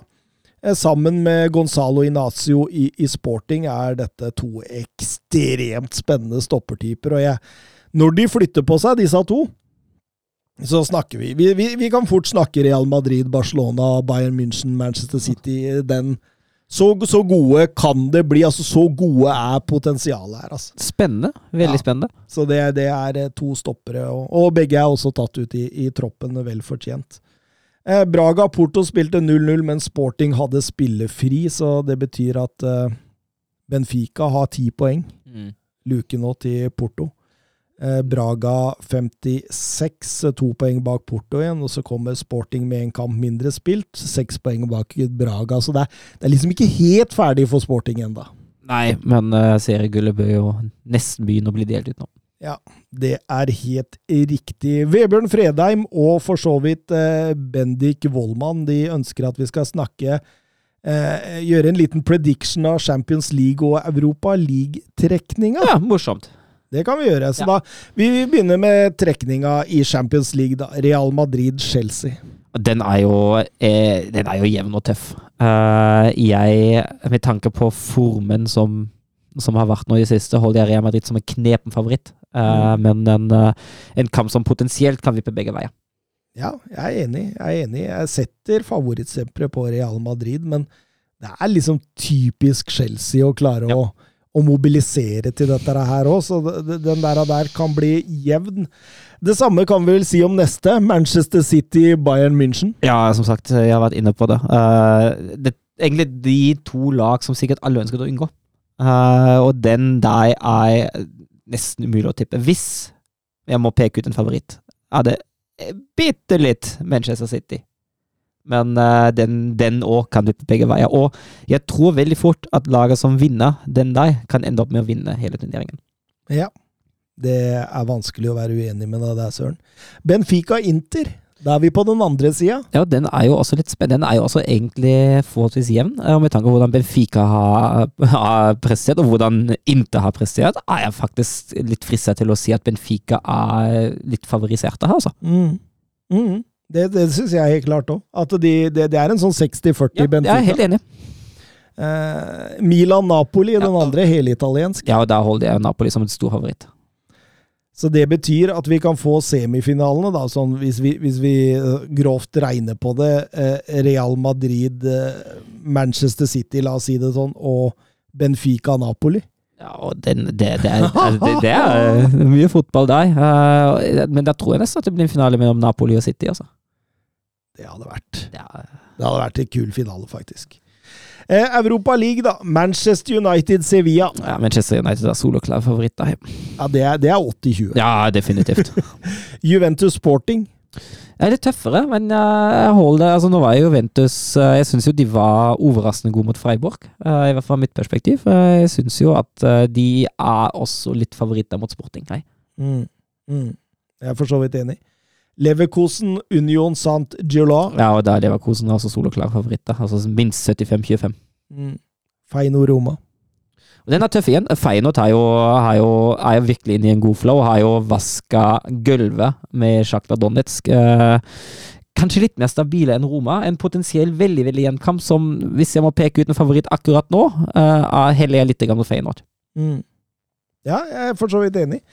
Eh, veldig, veldig spennende trekninger, faktisk. Ja. Eh, det kan jo gå godt for Serie A her, da. Det kan jo det. Det er, det er, det er morsomt. Det, jeg syns- jo det er fint at eh, vi fortjener oppturen. Ja, jeg syns det. Eh, og Serie A har jo underholdt oss voldsomt de siste åra, og jeg syns jo egentlig det er veldig veldig fint at det er mange lag som har kommet seg inn i ja, sluttspillene, langt inn i sluttspillene i de europeiske turneringene. Didrik Tofte Nilsen med kveldens siste eh, spørsmål. Hvor lenge er det til Christian Arnstad og Sivert Mannsverk er inne i A-landslaget, og bør ikke Antonio Nosa og Andreas Schjelderup opp på U21? U19 virker litt lavt for Champions League-spiller og toppskåreren i Danmark. Ja, jeg er helt enig med ham, og de, de spørsmålene er veldig gode spørsmål han eh, stiller deg. Jeg syns jo Altså de troppene inni altså Man blir jo litt irritert når man ser at en Mats Møller Dali, som spiller dårlig i et bunnlag i andre Bundesliga, er der, og ingen, ingen nye eller unge spillere får sjansen. Mm. Det er ikke det at jeg har noe strengt imot Mats Møller Dali. Eh, fin fotballspiller, han. Men det er jo noe altså, Der kan man heller begynne å tenke litt på framtida og ta med talent eller to. Mm. Eh, og det, det, jeg syns er litt frustrerende at det er litt sånn Det er sånn de samme spillerne om og om igjen. Og jeg, jeg savner litt de nye impulser, for vi har faktisk noen talenter som er litt sånn up and coming. Mm. Og at ikke de skal få sjansen sammen. Det gjelder jo på keeperplassen. At ikke Mats Hedenstad er tatt ut til A-landslaget, syns jeg er også en feil. Mm. Ja, ja, ja, ja. Jeg er helt, helt enig.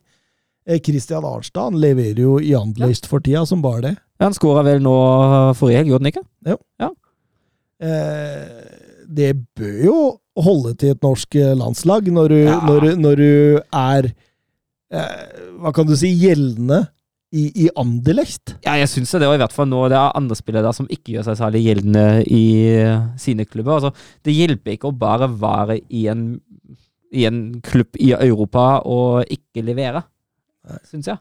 Kan jeg for lite om Sivert Mannsverk, men jeg har jo skjønt at uh, Nei, altså, en kjempetalent på midten. Altså, han presterer voldsomt bra for Molde. Og eh, han har jo, han har jo fått sin debut på landslaget. uh, men jeg syns jo Jeg er jo helt enig med Eller uh, insinueringen i spørsmålet til Didrik Toften Jetsen at det er på tide å få han inn i den troppen permanent også.